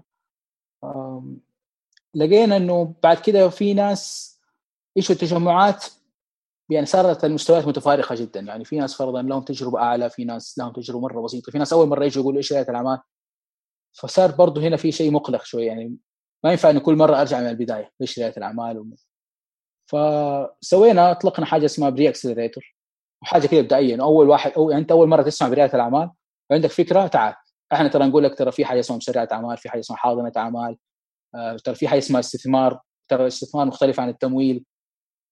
كيف تجهز نفسك للمستثمرين؟ أشياء بسيطة كده بيسك اي على الأقل إنك أنت تعرف. طب أنا أروح مثلا مسرعه مكة ولا فلات سلاب ولا أروح فرضا آه، بادر؟ طب دول يعني زي كذا هذه الأشياء. وطبقناها يعني كانت مرة واحدة سويناها وكانت جدا رائعه بعد كده الاستمرارية تحتاج فلوس يعني في النهاية إذا إنك أنت بتشتغل بدون فلوس ما تقدر تستمر. يعني إنت بتشوف طيب وأنت ما ما حاول ما حاولتوا تحصلوا دعم؟ هو مثلا في أظن مبادرات يمكن آه، بدأت بعدكم بدا بدأت بعدكم واستمروا وكبروا أه زي مين مثلا؟ مين بدأ قبل أنت ولا تقنية؟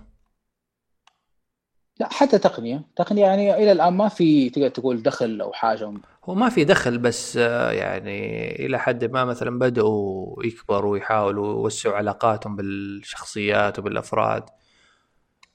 إحنا آه الحمد لله يعني ما ما في شخص مثلا في عالم رياده الأعمال قد دعيناه أو حاجة قال لا مين أنتم يعني ما ما لكم اسم وما لكم وزن وما لكم قيمة وغير معروفين. بس ممكن تع... بدأ التسويق حق ممكن اعلاناتكم كذا التسويق حقكم ما هو ذاك ما تسوون تسويق كبير.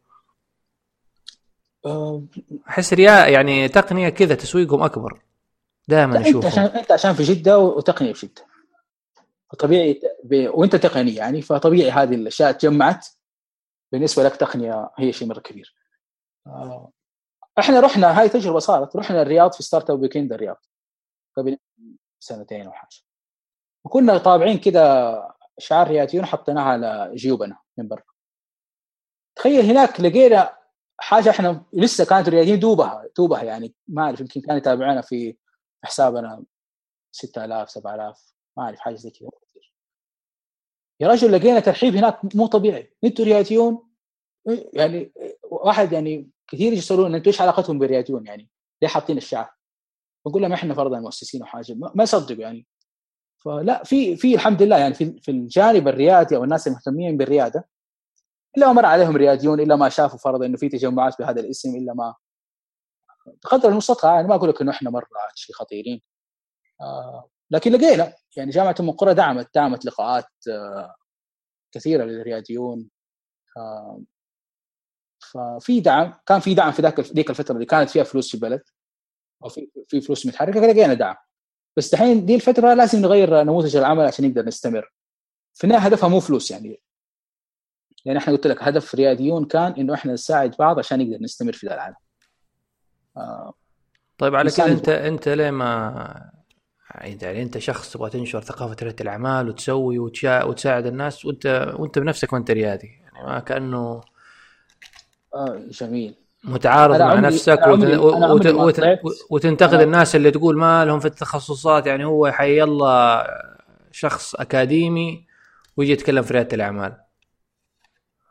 شوف أنا ما ما انتقدت الشخص الأكاديمي اللي بيتكلم في ريادة الأعمال. أنا قلت لك البيئة وطبيعة العمل أو الناس اللي أوكلت له المهام مو هم اللي جو طلبوها. لأنه أصلا القانون يمنع إنه أنا أجيب واحد ثاني زي ما قلت لك من برا الجامعة أدخله في الجامعة أقول بسوي ذا الشيء.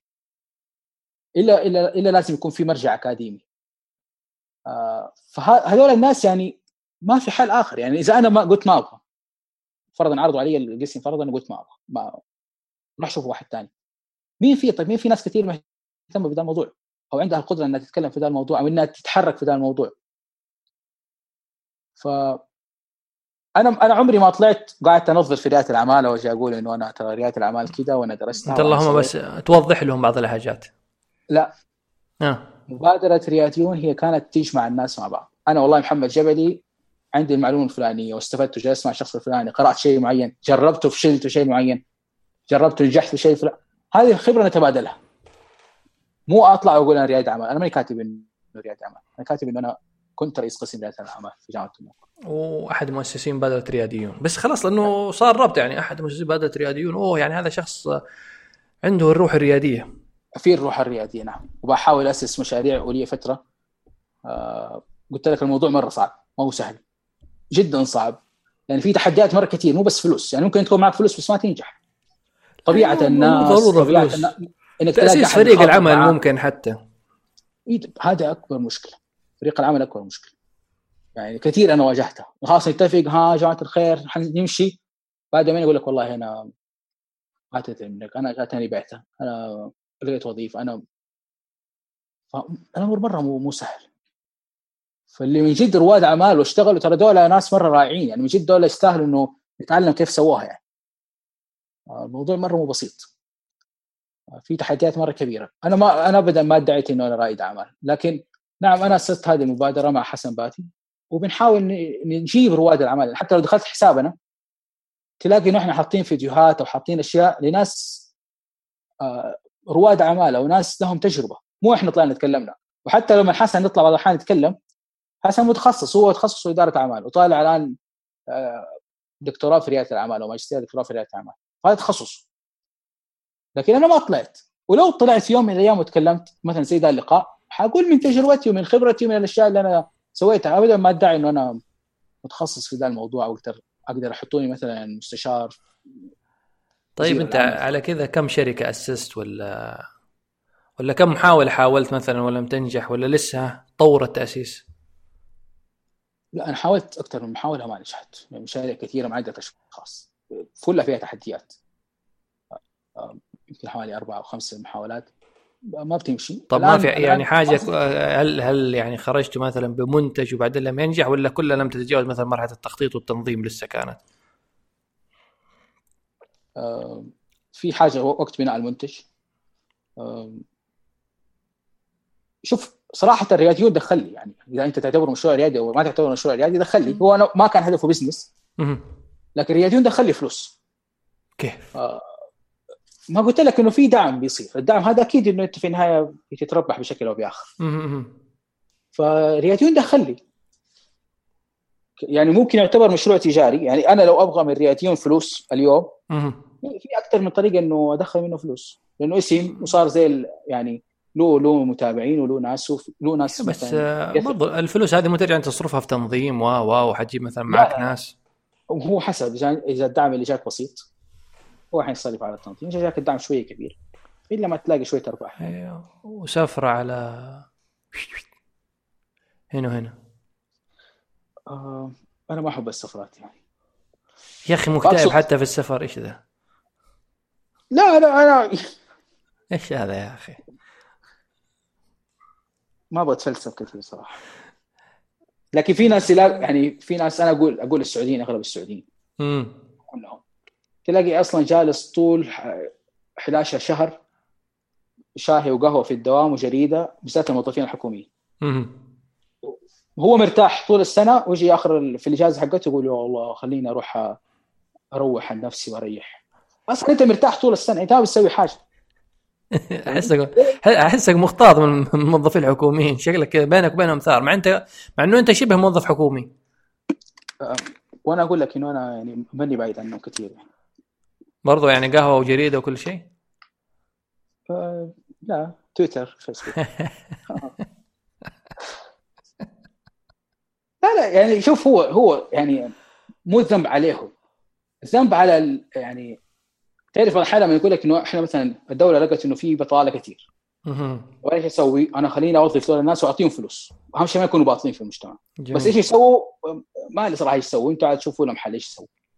طب ما هذه وظيفه المسؤولين. يعني خلاص الدولة مثلا كثر الله خير ما عاد الشخص اللي ماسك المكان ولا اللي ماسك المنظومة هذه كيف يحسنها؟ كيف يعني يستفيد من الشخصيات هذه اللي عنده ويعمل لهم يوتيلايزيشن بشكل صحيح؟ وكلامك صحيح. بس أنا أقول لك إذا واحد كان من ضمن البطالة المقنعة. وكان طول سنته ما عنده ولا شيء بس جالس كذا وشاي وقهوة وإنترنت ويوتيوب وما عنده شغله يجي في نهاية السنة يقول بروح أريح. يعني عيب عيب أصلا تقولها. أنت أصلا مريح. أنت ما ما بتقدم لهذا العالم ولا شيء. يعني أنت ما أنت ما لك أي شيء. أنت بس جالس كذا وتاخذ فلوس وبس وجالس في بيتكم. وتروح العمل توصم تاخذ فلوس وترجع لبيتكم. وحكاوي وكلام. بس ما بتسوي شيء ثاني في الحياة مفيد يعني أنت الشغل إنك تستحي وجهك ما تقول بروح أريح تقول أنا خليني أسوي شيء مفيد خليني أسوي مشروع فلاني خليني أروح أسوي مبادرة خليني أتطوع إن شاء الله كان الشارع بيتنا ولا. من هنا تخش لك السعادة. مو إني أنا رحت جلست على بحر في مدري فين ولا في مطعم في المكان الفلاني في الدولة الفلانيه حاصير مبسوط وسعيد وحرجع أعطي ثاني مرة أقدر أقرأ جرايد أكثر وأقدر أشرب لي قهوة أكثر. إيش الكلام فاضي؟ شيء شيء يسعد والله العظيم يعني. لا أنا أشوف إنه أنا السعادة تنبع من الداخل. ما هو أيوة. فلسفة لكن من شيء أنا لو سويت شيء سويت زي رياديون والناس استفادت. آه، دحين مثلا مسوين مبادرة قراء رياديون. اجتهادات في النهاية شايفين إنه في حاجة جميلة ممكن تصير. الآن أنا بنخش فرضا إنه نشوف الناس اللي قروا الكتاب ويرسلوا طب إحنا ما فهمنا الشيء الفلاني طبعا طريق الواتساب. في ناس يقولوا لا المعنى كذا في حاجة جميلة كذا أنا أشعر بالسعادة. أنا حاسس إنه يومي على فكرة أنا أتفق معاك في موضوع إنه السعادة تنبع من الداخل. يعني ناس كثير اشرح لهم يعني يقول لك لا طيب يا أخي هو جميل صح السفر ما أقول لك إنه مثلا السفر ولا شيء ولا تغيير الأجواء جميل بس في الأخير يعني حترجع ياك ياك نفسيتك هي هي. في المطار احس يعني ممكن مع إنه بعضهم يقول لك يا عمي كلام أفلام وتفليم لكن ممكن تحس العطاء إلى حد ما له أثر أكبر على نفسيتك إنك لما تعطي بشكل أو بآخر مو ضروري إنك تتصدق يعني تعطي تفيد الناس ولا أي شيء يعني حتحس إنك يعني سويت شيء بالعكس يعني في له طعم ولذة. بس إنك يعني إنك مع فضاوتهم وما عندهم ولا إنجاز في الحياة. في اللي اسمعهم والله رحت المطعم الفلاني والله أكلت الأكل اللي في الجبل الفلاني ما هو, ما هو أنت إذا عنه. لا إذا أنت مثلا أصلا جيت إذا تتفلسف بهذا الكلام حيقول لك هي جانا المتفلسف المنظر. ف يعني حد لازم يدافع عن نفسه بطريقة أو بأخرى. مو قصة يدافع عن نفسه ما هو أصلا أنت لأنك أنت في في النهاية الغالبية اللي تواجههم من يعني كل أغلب الناس زي كذا. فانت ما تبغى يعني هم حيح... انت أنت بكلامك هذا لما تقول له يا أخي لا المفروض كذا وتعمل وتبادر وتسوي حتحسسهم يعني إنهم ولا شيء أو تحسسهم إنك أنت أحسن منهم؟ لا يا أخوي. انت مش احسن مننا خلينا نجرك شوية بالكلام. انت وانت شايف نفسك أيها المتفلسف. يعني عشان كتبت كم وحاولوا يجروك عشان تصير زيهم.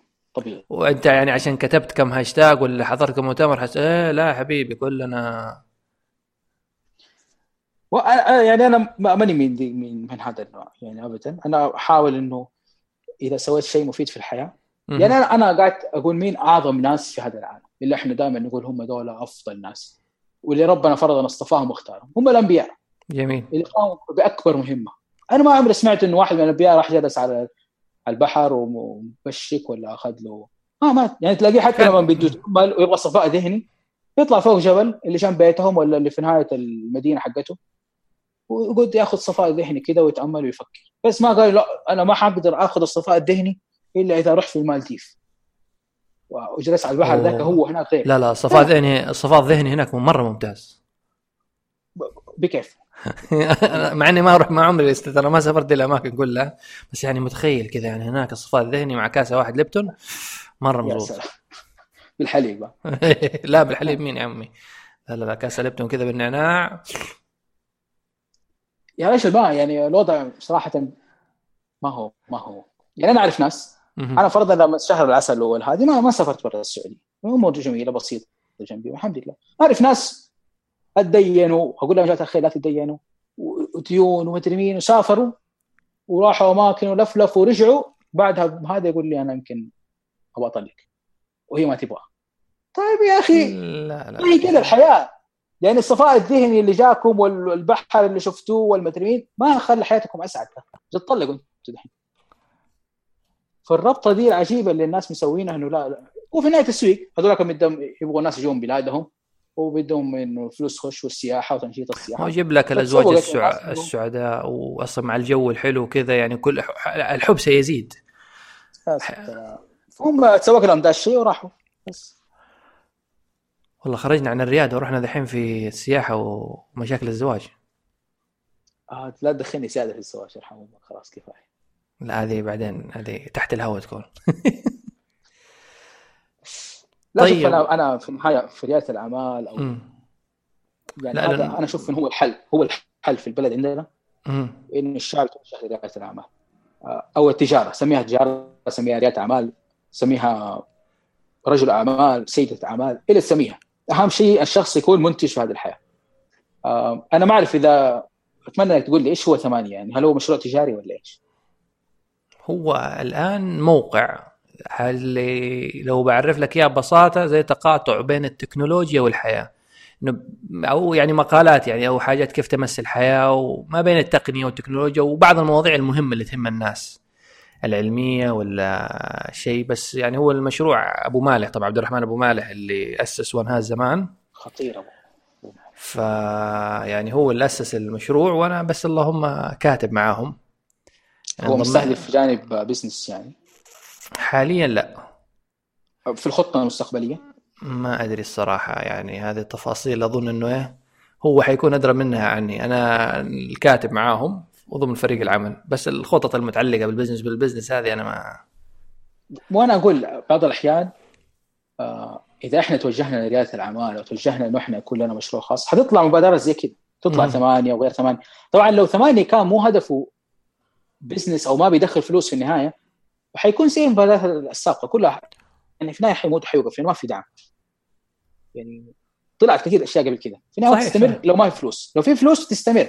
لذلك إحنا لازم نعلم الناس كيف يدخلوا فلوس. هو كيف بس حاجة زي ثمانيه تدخل فلوس. ما هو الموضوع إنه عاد يعني حن لو حنخش في الصناعات صناعة المحتوى من أصعب الصناعات اللي تدخل فيها فلوس.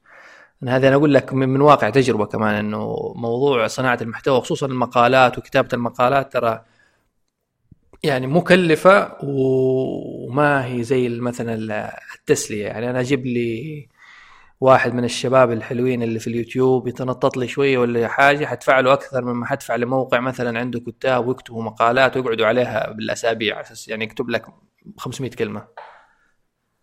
صح. هي صعبة بس ممكن أنا أعرف ناس عن طريق المحتوى دخلوا دخل مرة كبير. يمكن أنت قابلت ناس منهم. هاي يعني في شوف على مستوى يعني ساعات لما يكون المشروع فردي ولا حاجة معينة تدخل لك فلوس بس أنت لما تبغى تبني زي منظومة زي جريدة يعني تتخيل الآن تبغى تبني جريدة وتدخل منها فلوس فلوس.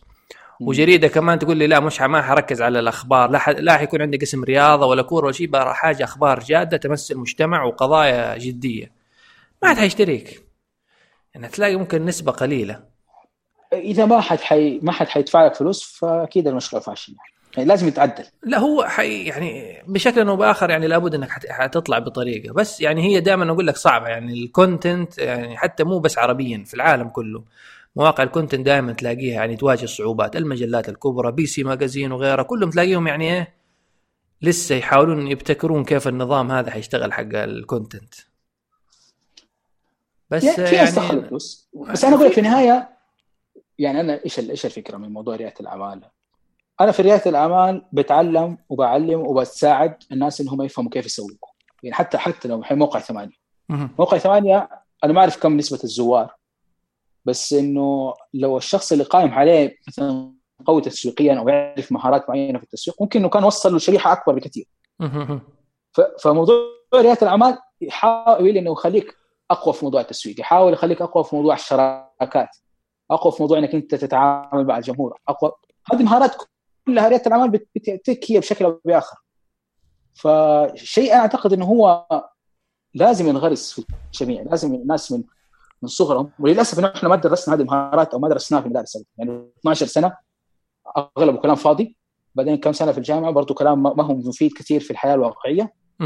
في النهاية لقينا إنه الأشياء الأساسية اللي يفترض إنه إحنا نعرفها ما إحنا عارفين فيها ولا شيء. جهله يعني إحنا لا نعرف نسوق لا نعرف نبيع لا نعرف نشارك مع الناس لا نعرف نقابل الجمهور آه طيب جميل حتى يعني نطلع في الأخبار إحنا ما إحنا عارفينه. إيش طيب. يقول لك الاقتصاد؟ وايش يقول لك فرضا الدخل القومي؟ يجيك ما نعرف هذه المصطلحات كلها. يقول لك نبغى نخصص نبغى نأمم نبغى. ما إحنا فاهمين. طيب على كذا جميل ما دام الواحد يبدأ يبدأ مثلا الواحد يبدأ مثلا من بيته. على أساس أنت خلاص الحين بدأت مثلا تعرف النواقص. آه، إلى حد ما مثلا تبدأ بعيالك تربيهم بطريقة معينة. تحاول تنمي فيهم بعض المهارات. برضو هذا دور يعني دور في المنزل ليه إنك تبغى بس تترك كل شيء لل الحكومة تعمل وتعلم وتسوي وتزرع فيهم المهارات وكل حاجة؟ أمال نحن حنربي أمال نحن دورنا كأهل إيش؟ يا سلام. هنا هنا ندخل الموضوع الثالث اللي أنت كنت تخش عليه اللي هو جمعيه أها فايش رأيك ندخل فيه؟ نخش فيه. يا سلام. الآن كلامك مرة صحيح إنه إحنا ما نترك للحكومة إن هي كل الحمل عليها. إحنا كشعب إحنا كأفراد إحنا كعوائل لازم آه، نساعد في هذا التغيير. طب كيف أساعد في هذا التغيير؟ إذا أنا مثلا بسوي شركة عشان بعدل شيء في البلد أو أضيف قيمة مضافة في البلد ماني قادر فرضا امور مرة صعبة. طب هل في حل آخر؟ أنا قاعد ابحث عن حل آخر يعني خلينا نشوف إيش في حل آخر. لقيت إنه والله في حاجة اسمها الجمعيات الأهلية وإنه صار الموضوع أسهل من أول وصار في تنظيم وصار في دعم لها. ورؤية 2030 أو برنامج التحول الوطني تقريبا يبغى خلال الاربع سنين زيادة 1000 جمعية أو 1200 جمعية تقريبا. فمعناته في دعم مرة كبير. طب أنا خليني طب إيش أقدر أسوي بالجمعية؟ والله آه تقدر تدرب تعلم آه تدعم مثلا أمور في الصحة توعي تسوي أشياء مرة كثير طيب أنا من فين حاجيب فلوس؟ أنت تقدر تاخذ تبرعات من الناس تقدر تاخذ آه، تبني مثلا أوقاف. معناته الموضوع ماليا أسهل بكثير من موضوع آه، التجارة أو موضوع ريادة الأعمال إن أنا لازم آخذ فلوس من مستثمرين أو فلوس فرضا من عملاء فلقيت إنه شيء رائع. طب خلينا نتوجه خلينا نقول للناس ترى في حاجة زي كذا يعني الآن تخيل تخيل إنه في موقع أو جمعية مهتمه بنشر الثقافة آه، التقنية اللي لها علاقة بالواقع اللي هو موقع ثمانية فرضا. وتحول موقع ثمانية إلى مبادرة وصار كانه جمعية له هذا الهدف. والجمعية دي صارت تدعم موقع ثمانية وتدعم أي موقع آخر بحيث ان توفر له الدخل المالي آه، بحيث إنه يستمر. فشيء صار في تغيير صار في الواقع مرة رهيب. فاللي صار إني مسكت القوانين والأنظمة آه، قعدت أقرأ فيها قوانين جديدة. العام الماضي صارت. فقريتها كلها شفت تفاصيلها قعدت أبحث في الجمعيات كيف شغالة تواصلت مع ناس في الجمعيات آه، مع المؤسسات الخيرية. طبعا في في جمعيات خيرية وفي مؤسسات خيرية. المؤسسات الخيرية هذه تكون تدعم الجمعيات الخيرية. زي مؤسسة الراشحية مؤسسة آه، السبيعي مؤسسة أبو غزالة كثيرة يعني. شفت دولته كيف طريقتهم؟ أنتم كيف تدعموا؟ آه، إيش الأشياء؟ يعني قعدت أبحث وأسأل. فلقيت إنه المك... يعني في مجال كبير جدا وفي عالم كبير جدا إحنا مرة ما إحنا شايفينه. كله توجه إلى دعم الأيتام. الفقراء والزواج يعني هذا والجمعيات البر. بس كذا يعني إحنا من يوم ما تقول جمعية خيرية أو جمعية أهلية تحس إنك أنت الفقراء بس. ما ينفع تكون إنه أنا بدعم شيء تقني. ما ينفع إنه أنا... وهذا الشيء غلط. لذلك سويت المبادرة هذه حق الجمعيه وبدأت أنشر الأشياء اللي أنا أعرفها والأشياء اللي أنا قريتها. بعدين قلت يا ولد أنا لازم أسس جمعية عشان تكون تجربتي أقوى. أوكي. آه قاعد أشوف أنا إيش الأشياء اللي مهتم بيها وأقدر مثلا أجمع ناس حولي عشان أسس جمعية. لقيت إنه أنا مهتم بريادة الأعمال وعندي حرق على موضوع التعليم زي ما قبل شوي بقول لك التعليم يبغى له تغيير. فقلت خلاص إحنا ناسس جمعية في ريادة الأعمال التعليمية. هدفها تدعم المبادرات أو المشاريع التعليمية أو تثقيفي بحيث إنه جاء واحد آه، مسوي موقع فرضا زي ثمانية بده ينشر علم ورطان ما عنده دخل أو ما عنده فلوس. يجينا إحنا كجمعية نحاول طبعا مو أنا كشخص إحنا كجمعية فرضا في أبحاث في دراسات في ناس مختصين في تبرعات بتجينا نحاول إنه إحنا نعطيه مصدر مالي بحيث إنه هو يستمر أو نعطيه فرضا مقر إيش يجلسوا فيه نعطيه فرضا لو عندنا مصممين يصمموا له أشياء معينة يساعدوه بحيث إنه تستمر هذه المبادرات. آه كلمت عدد من الأشخاص آه، حولي بعضهم طبعا عشاني في الجامعة فأغلبهم كانوا دكاترة ودكتورات. آه، برضو في المجال الريادي كلمت كم شخص. تقريبا الكل يعني الكل أعجب بالفكرة. آه، كونا العدد المطلوب طبعا هو أقل شيء 10 أشخاص. وتمشي في هذا الموضوع. إحنا الآن تقريبا 18 شخص طبعا ما كلمت ناس كثير. يعني أغلب اللي بكلمهم ما عندهم أي مشكلة يعني بالعكس يعني هم سواء الفكرة عجبتهم أو إنهم هم يعرفوني فما عندنا مشكلة إنه واثقين إن شاء الله إنه هذا الأمر مضبوط طبعا عانيت يعني عانيت إنه أنا آه، افهمهم إيش موضوع الجمعيات؟ كيف الموضوع ده ماشي؟ لأنه اغلب الناس ترى ما تعرف إيش هو الشيء وأنا ما كنت اعرف إلا بعد ما قريت ودورت. قدمنا الطلب. طبعا الفكرة طلعت عندي في رمضان. آه رمضان السابق. مشيت في الموضوع أول ما أجمع الأشخاص. في تحديات طبعا ممكن بعدين أتكلم عنها. كيف إنك تكون ناس يأسسوا جمعية؟ كيف توزع المهام؟ كيف تجمعهم؟ كيف يعني هذه في تحديات معينة. بعدين تقريبا في شهر بالضبط في شهر واحد هجري أرسلنا الطلب. يعني بعد ما اتفقنا على كل شيء والأهداف والأمور وارسلنا الطلب. الطلب يفترض إنه يأخذ 60 يوم. يعني يفترض في شهر ثلاثة اللي قبل كذا يمكن حوالي 10 أيام يكون خلاص جاهز. ويفترض إن هم يا يردوا بالموافقة أو بالرفض خلال 60 يوم. تحت ال 60 اليوم ما في أي رد. طيب إيش نسوي؟ حاولت أدور آه، طريقة تواصل مع مسؤولين هناك تواصلت معاهم لقيت أرقام يعني معينة تواصلت معاهم عن طريق علاقات خاصة يعني. ما أعرف هم يمكن عندهم دربك عشان الوزير اتغير القوانين بتتغير بسرعة ما أعرف إيش اللي صاير. فكانوا ندوهم انتبهوا إنه إحنا مقدمين طلب يعني.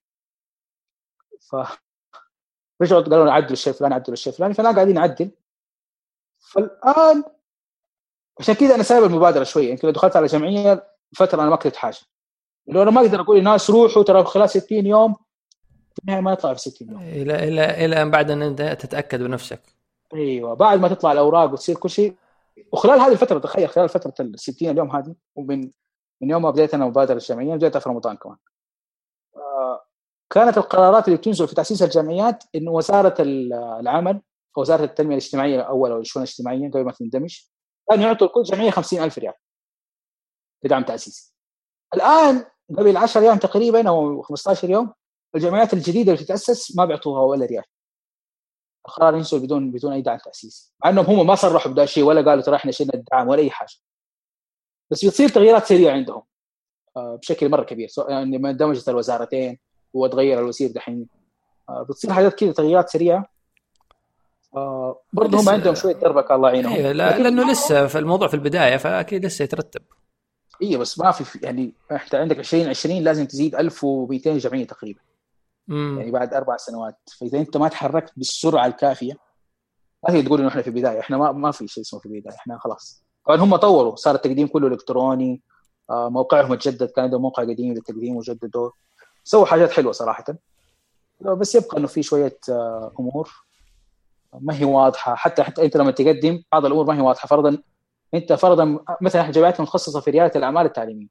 تدخل يقول لك لازم تختار تصنيف معين. وكل تصنيف تابع لجهة إشرافية. فرضا هاي تابع وزاره الاقتصاد هاي تابع وزاره التعليم هاي تابع ما تلاقي ولا ولا تصنيف يتكلم عن ريادة الأعمال. مو عاد تلاقي تصنيف يتكلم عن ريادة الأعمال. لك تعليميه فإلى حد ما بنقول وزارة التربية والتعليم. أيوه لما تخش يا سلام تخش في تصنيف وزارة التعليم اللي هو جمعية تابع وزارة التعليم. يقول لك إنه هذا التصنيف فرضا هو في تصنيف عام وفي تصانيف خاصة. التصانيف الخاصة إنه هذه الجامعات اللي تختار ذات التقسيم أو التصنيف تكون مهتمه بتعليم الابتدائي والثاني تكون مهتمه بالتعليم الثانوي والثالث تكون مهتمه بتعليم الجامعة. وبرضه أنت أنت ما أنت ذا كله. أنت مهتم بالمشاريع اللي, اللي يعني هذا ما هو ما لا حتى ما ما له دخل بأي بأي عمر ولا بأي فئة. يعني خلاص تعليم للكل هذا. من من الاعدادي إن شاء الله لما 60 70 سنة.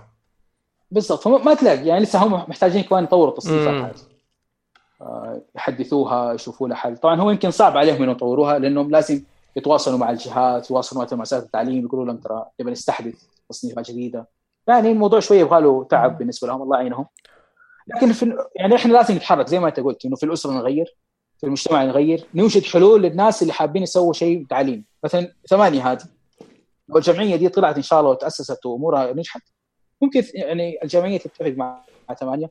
بطريقة أو أخرى يكون في تعاون معين سواء يعني ثمانية تعطينا من تجربتها وخبرتها كيف سوت كيف أو إحنا فرضا عندنا دعم مالي أو عندنا دعم اللي يكون نقدر نعطيه لثمانية خاص نتشارك في ذا الموضوع. نعين ونعاون. إن شاء يعني الله. يعني عندها تجربة إنها هي فرضا سوت محتوى في الجانب التقني اللي له علاقة بأرض الواقع. يجيني واحد ثاني يقول أنا بسوي محتوى في جانب الجغرافيا أو الفيزياء اللي له علاقة بالواقع. بس هو ما عنده ما عنده خلفية تقنية أو ما عنده خلفية برمجية. فتيجي كمان تقول له إحنا ممكن نظبط لك آه، الموقع زي موقعنا يصير كذا وتعطينا شوية فلوس عليه فرضا أو حاجة. فإحنا نربط بين الناس. طبعا في في أشياء مكتوبة بالنسبة لنا ومحددة جدا إيش المبادرات والبرامج اللي إحنا بنسويها من أول سنة.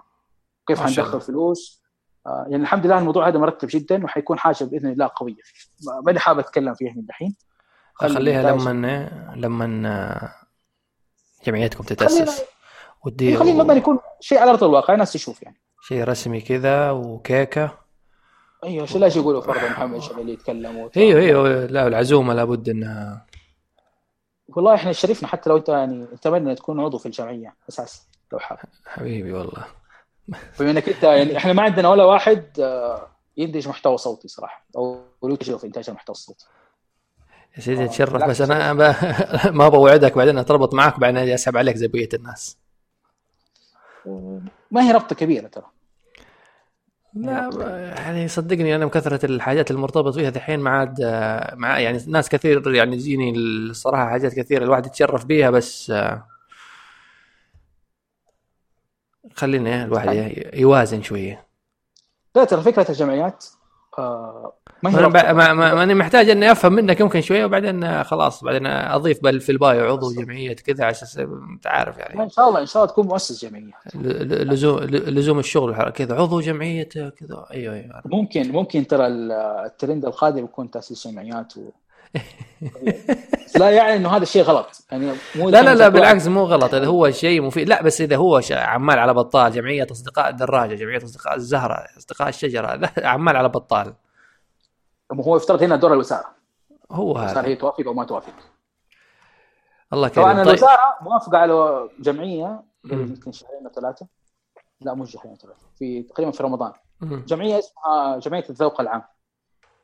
تهدف لنشر نشر ثقافة الذوق العام وكيف إنك أنت تكون كيف تمشي بالشارع كيف تتعامل مع الناس. يعني هذه احسها أمور نسبية وحتى ممكن تختلف من مدينة لمدينة ومن شخص لشخص يعني ف ما حيتفق وأنا أقول لك انه إنه هذا الشيء كلامك مرة صحيح بس هذا الشيء توافق عليه الجمعيه طلعت يعني رسميا ف يعني هو مستهدفين مستهدفين الجمعيات المتخصصة. يعني حتى إحنا مرسلنا الأهداف قالوا لا روحوا آه، صغروها وصيروا أكثر تخصصا. اولا كانت تجيك الجمعية فرضا زي جمعية البر. أيتام على فقراء على أرامل على زواج على جمعية كذا كل حاجة. مم. بعدين لهم هم أقوياء هنا ولا هم أقوياء هنا ولا هم أقوياء هنا. جمعية hyper زي هايبر بندا كذا يا سلام. فهم يقول لك لا نحن توجهنا الآن نبغى جمعيات كثير بس كل واحدة متخصصة. يعني فرضا أنت ممكن تقول التركيز يكون أفضل. بالضبط ممكن تقول أنا أبغى أسوي جمعية لنشر ثقافة آه، ال podcasting. البودكاست بالضبط. وكيف إنه احد يسوي وكيف مثلا لو جانا ناس ممكن نساعدهم مثلا يجوك ناس في الفيزياء ناس في الكيمياء ناس في الرياضيات ناس في أي حاجة انت تساعدهم؟ تقفل لهم فرضا منصات يتكلموا فيها. فحيكون حاجة مرة جميلة وحتغير في الوضع المجتمع البلد تخيل لأنه من هذا يتكلم وهذا يشرح وهذا تنشر ثقافة تنشر ثقافة جديدة. لا شيء جميل الصراحة. حمستني. بس آه، ضيق الوقت ممكن يعني يكون عامل برضه في وهو هنا الجمعيه تنقسم لقسمين أنا ما أعرف كم لنا قاعدين نتكلم لكن قسم الجمعيه تنقسم قسمين. قسم اللي هم المؤسسين اللي هم مجلس الإدارة والجمعية العمومية. هذول بس يحطوا خطط وأهداف. والبرامج إيش المبادرات اللي حنسويها إيش حنسوي؟ كيف وجهة إشرافية تعتبر. تخطط تحط برامج وتشرف على على التنفيذ بس ما تنفذ. اللي ينفذ اللي هم الموظفين اللي هو تجيب مدير تنفيذي تعطيه راتب تجيب موظفين ينفذوا. وهذول الناس اللي فوق يعني يستخدموا علاقاتهم خبراتهم. عشان إنه يجيبوا دعم للجمعية. إيوه يجيبوا دعم ويسهلوا أمور الشباب دول اللي قاعدين يديروا الجمعية. آه لكن ما يدخلوا ما يدخلوا في التنفيذ عشان ما يصيروا هم يشرفوا على نفسهم يعني. صحيح. أو يحاسبوا نفسهم. آه مو مطلوب منهم. كنظام يقول لك مجلس الإدارة يجب أن يعني يقيم على الأقل أربع اجتماعات في السنة بس. إيه كل كل ثلاث شهور. مثلا خاص يعني. عشان كذا ابدا ما أعتقد إنه أنت كل ثلاث شهور ما عندك وقت تسوي اجتماع وتيجي تشوف إيش الوضع اللي صاير. أكيد حتلاقي وقت يعني.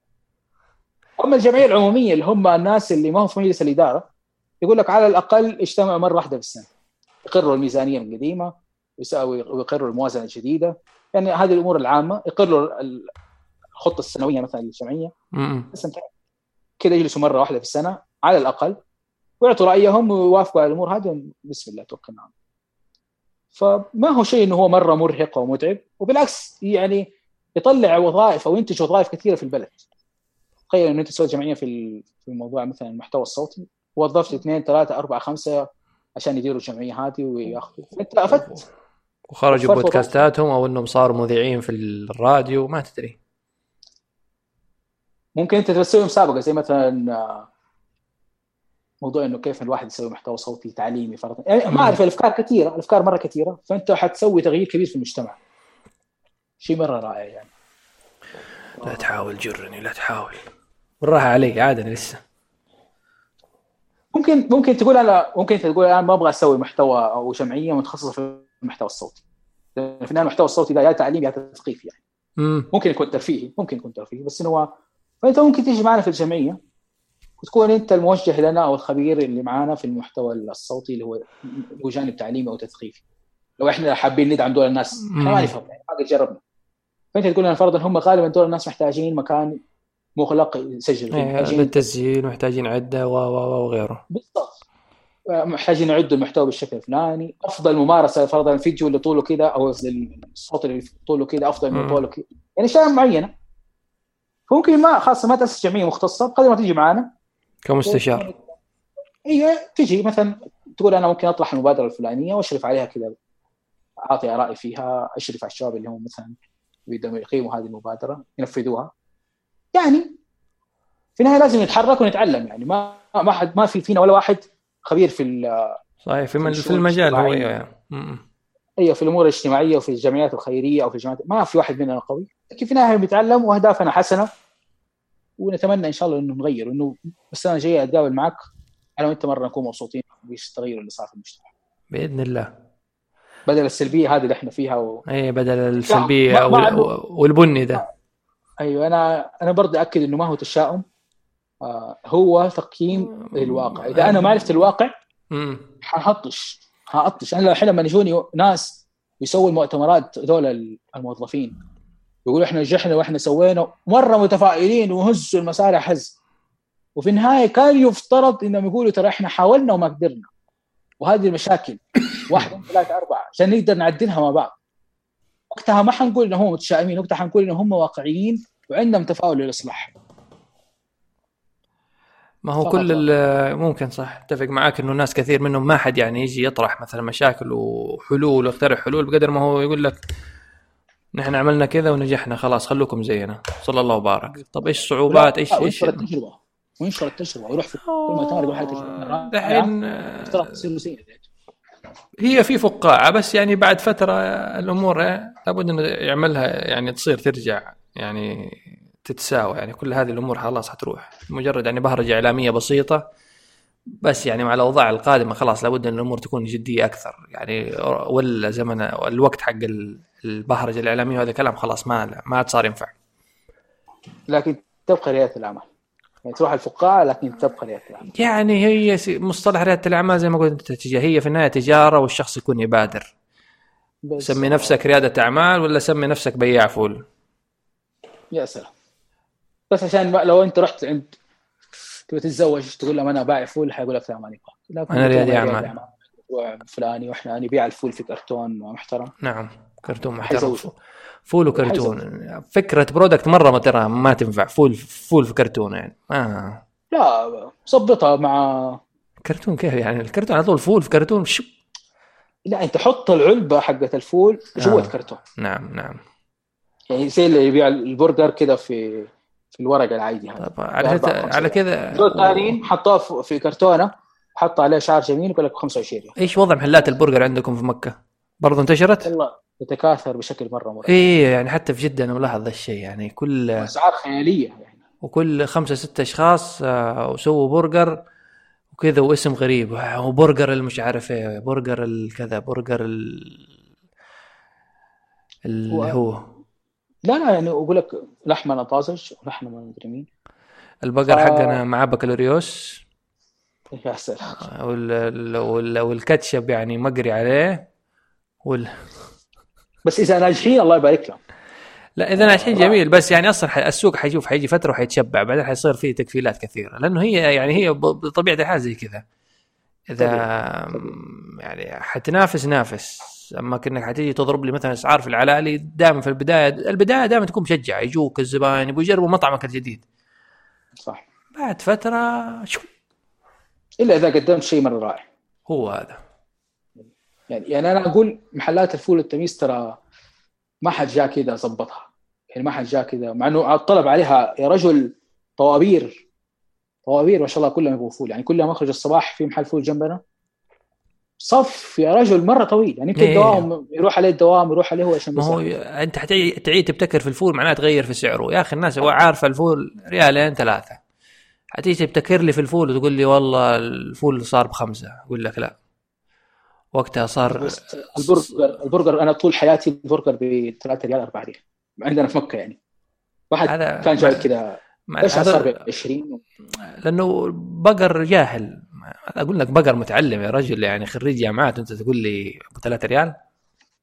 طيب حتى الفول شجرة جاهلة ولا إنها شيء ما هو خليها خليها جاهلة لما تتعلم حتجيك حيجيك الفول. تروح تظل لك فول في رمضان في اليوم 15 ريال ليه حبيبي؟ لا ترى برضو أنا أنا عندي مشكلة في الأمور الأكل. أدقق شوية صرت. فصراحة الأشياء اللي تنحط في المحلات هذه أشياء مرة رديئة. يعني مثلا لما تأخذ المعصوب يحط لك فرضا قشطة. القشطة اللي عنده لو لفيت السوق كلها ما تلاقيها. نوع مرة سيء. يعني التاج ما يحط ما يستخدموا التاج. لا مجانين هم. يكسبوا فلوس. نوع كذا أصلا هو من نوع تقرأ عليه يقول لك آه معدل بالدهون النباتيه يعني قشطه مهدرجه يعني حاجة مرة سيئة. يعني ليتهم حطوا أنا صرت لما آخذ أروح أشتري التاج من برا ولا أي نوع ثاني من الانواع الطيبة وأستخدمه. النوع اللي عندهم مرة سيء مرة يعني اسوء مما تتخيل. خلاص إنه الناس تبغى الرخيص إيش تسوي؟ طيب وانت لو طلعت قلت للناس يعني بعتهم إنه هذا شيء صحي وإنه هذا شيء رائع ما من يعني مين والله ما ما قد يوم أخبر إنه مثلا راعي فول يقول لك والله صحي معد بأيدي مش عارف إيه وخالي من ال... وأنا أقول لك حتى البرجر ما كان ينقال زي كذا ما عمرك رحت البرجر يقول لك إحنا إلا دحين. صاروا الناس يشتروا. أيوة. يبقى إنه في زباين لذا النوع وفي زباين لذا النوع. ممكن. أنا أنا عن نفسي لو رحت واحد فتح جنبنا يبيع مثلا معصوب وتخير الأشياء أو عليك ويتخير الأشياء الصحية. حاشتري منه بس اكون يعني من جد مو قاعد يبيع لي كلام فاضي. يعني من جد اخش ألاقي شيء محترم. وهو محمد جبلي من منبره يدعو إلى إعادة الابتكار في الفول إلى الريادة في عالم الفول. إعادة تعريف الفول. في في في أظن هنا في محل في جدة ماني عارف إيش من إيش اسمه. أنتم جدة غير. ما شاء الله عندكم كل حاجة. لا في واحد محل فول بس ما عمري اشتريت منه. أنا أروح أشتري من الأفغاني كل يوم جمعة أروح الصباح أشتري لي اثنين تميز وثلاثة ريال فول. يا سلام. لا لا هو يعني أنا أقول لك ما طلع brand ما طلع شيء كذا مسك السوق سوى حاجة مختلفة شيء رائع لسه يبقى انهم لعلها فرصة. ممكن. يعني عمرنا مثلا عمرنا ما كان في brand في البقالات. فجأة صار في اللي هو دكان هذا. دكان وبندتي وبندتي. وبندتي اي بالضبط. عندكم في عندنا ما في بندتي. ما لا في هنا بندتي والدكان بدا ينتشر أيوه لا عندنا دكان مكتسح الساحة. كل ما تخش زقاق في دكان. ما عمره أحد كان يفكر إنه brand لبقالات. ما لا بس ما هو موفر الدكان. anyway لا لا نخش في ما شاء الله ساعة و36 دقيقة. مليئة بالدسومة والكلام الجميل. ما عرفنا مشكلة في بداية الحلقة. فالحين على نهاية الحلقة اللي اللي يوصل نهاية الحلقة يعني إذا أنت تسمع في الساوند كلاود يكتب بالله يكتب أنا وص... يعني هي ممكن مرة واحدة ما أدري سويتها في حلقة أظن مع سيف الحارثي أظن فالحين هذه الحلقة الثانية. إذا أنت وصلت لنهاية الحلقة وصلت لمن هنا يعني أكتب في التعليقات أنا وصلت. أو أكتب الحمد لله بالسلامة وأكتب يعيش الفول. يعني أي حاجة. المرة الماضية أحد وصل؟ المرة اللي فاتت أيوه في ناس. يعني في واحد المشكلة الحلقة يمكن نشرتها قبل أكثر من سنة وشوية فبرضه واحد قبل كم يوم كتب لي في التعليقات أنا وصلت. يا الله. فإذا أنت يعني أو حتى أعمل mention على تويتر أي حاجة أكتب يعيش الفول هاشتاج يعيش الفول. ونشوف. انت ما ما عرفت بي ابدا في البداية ولا.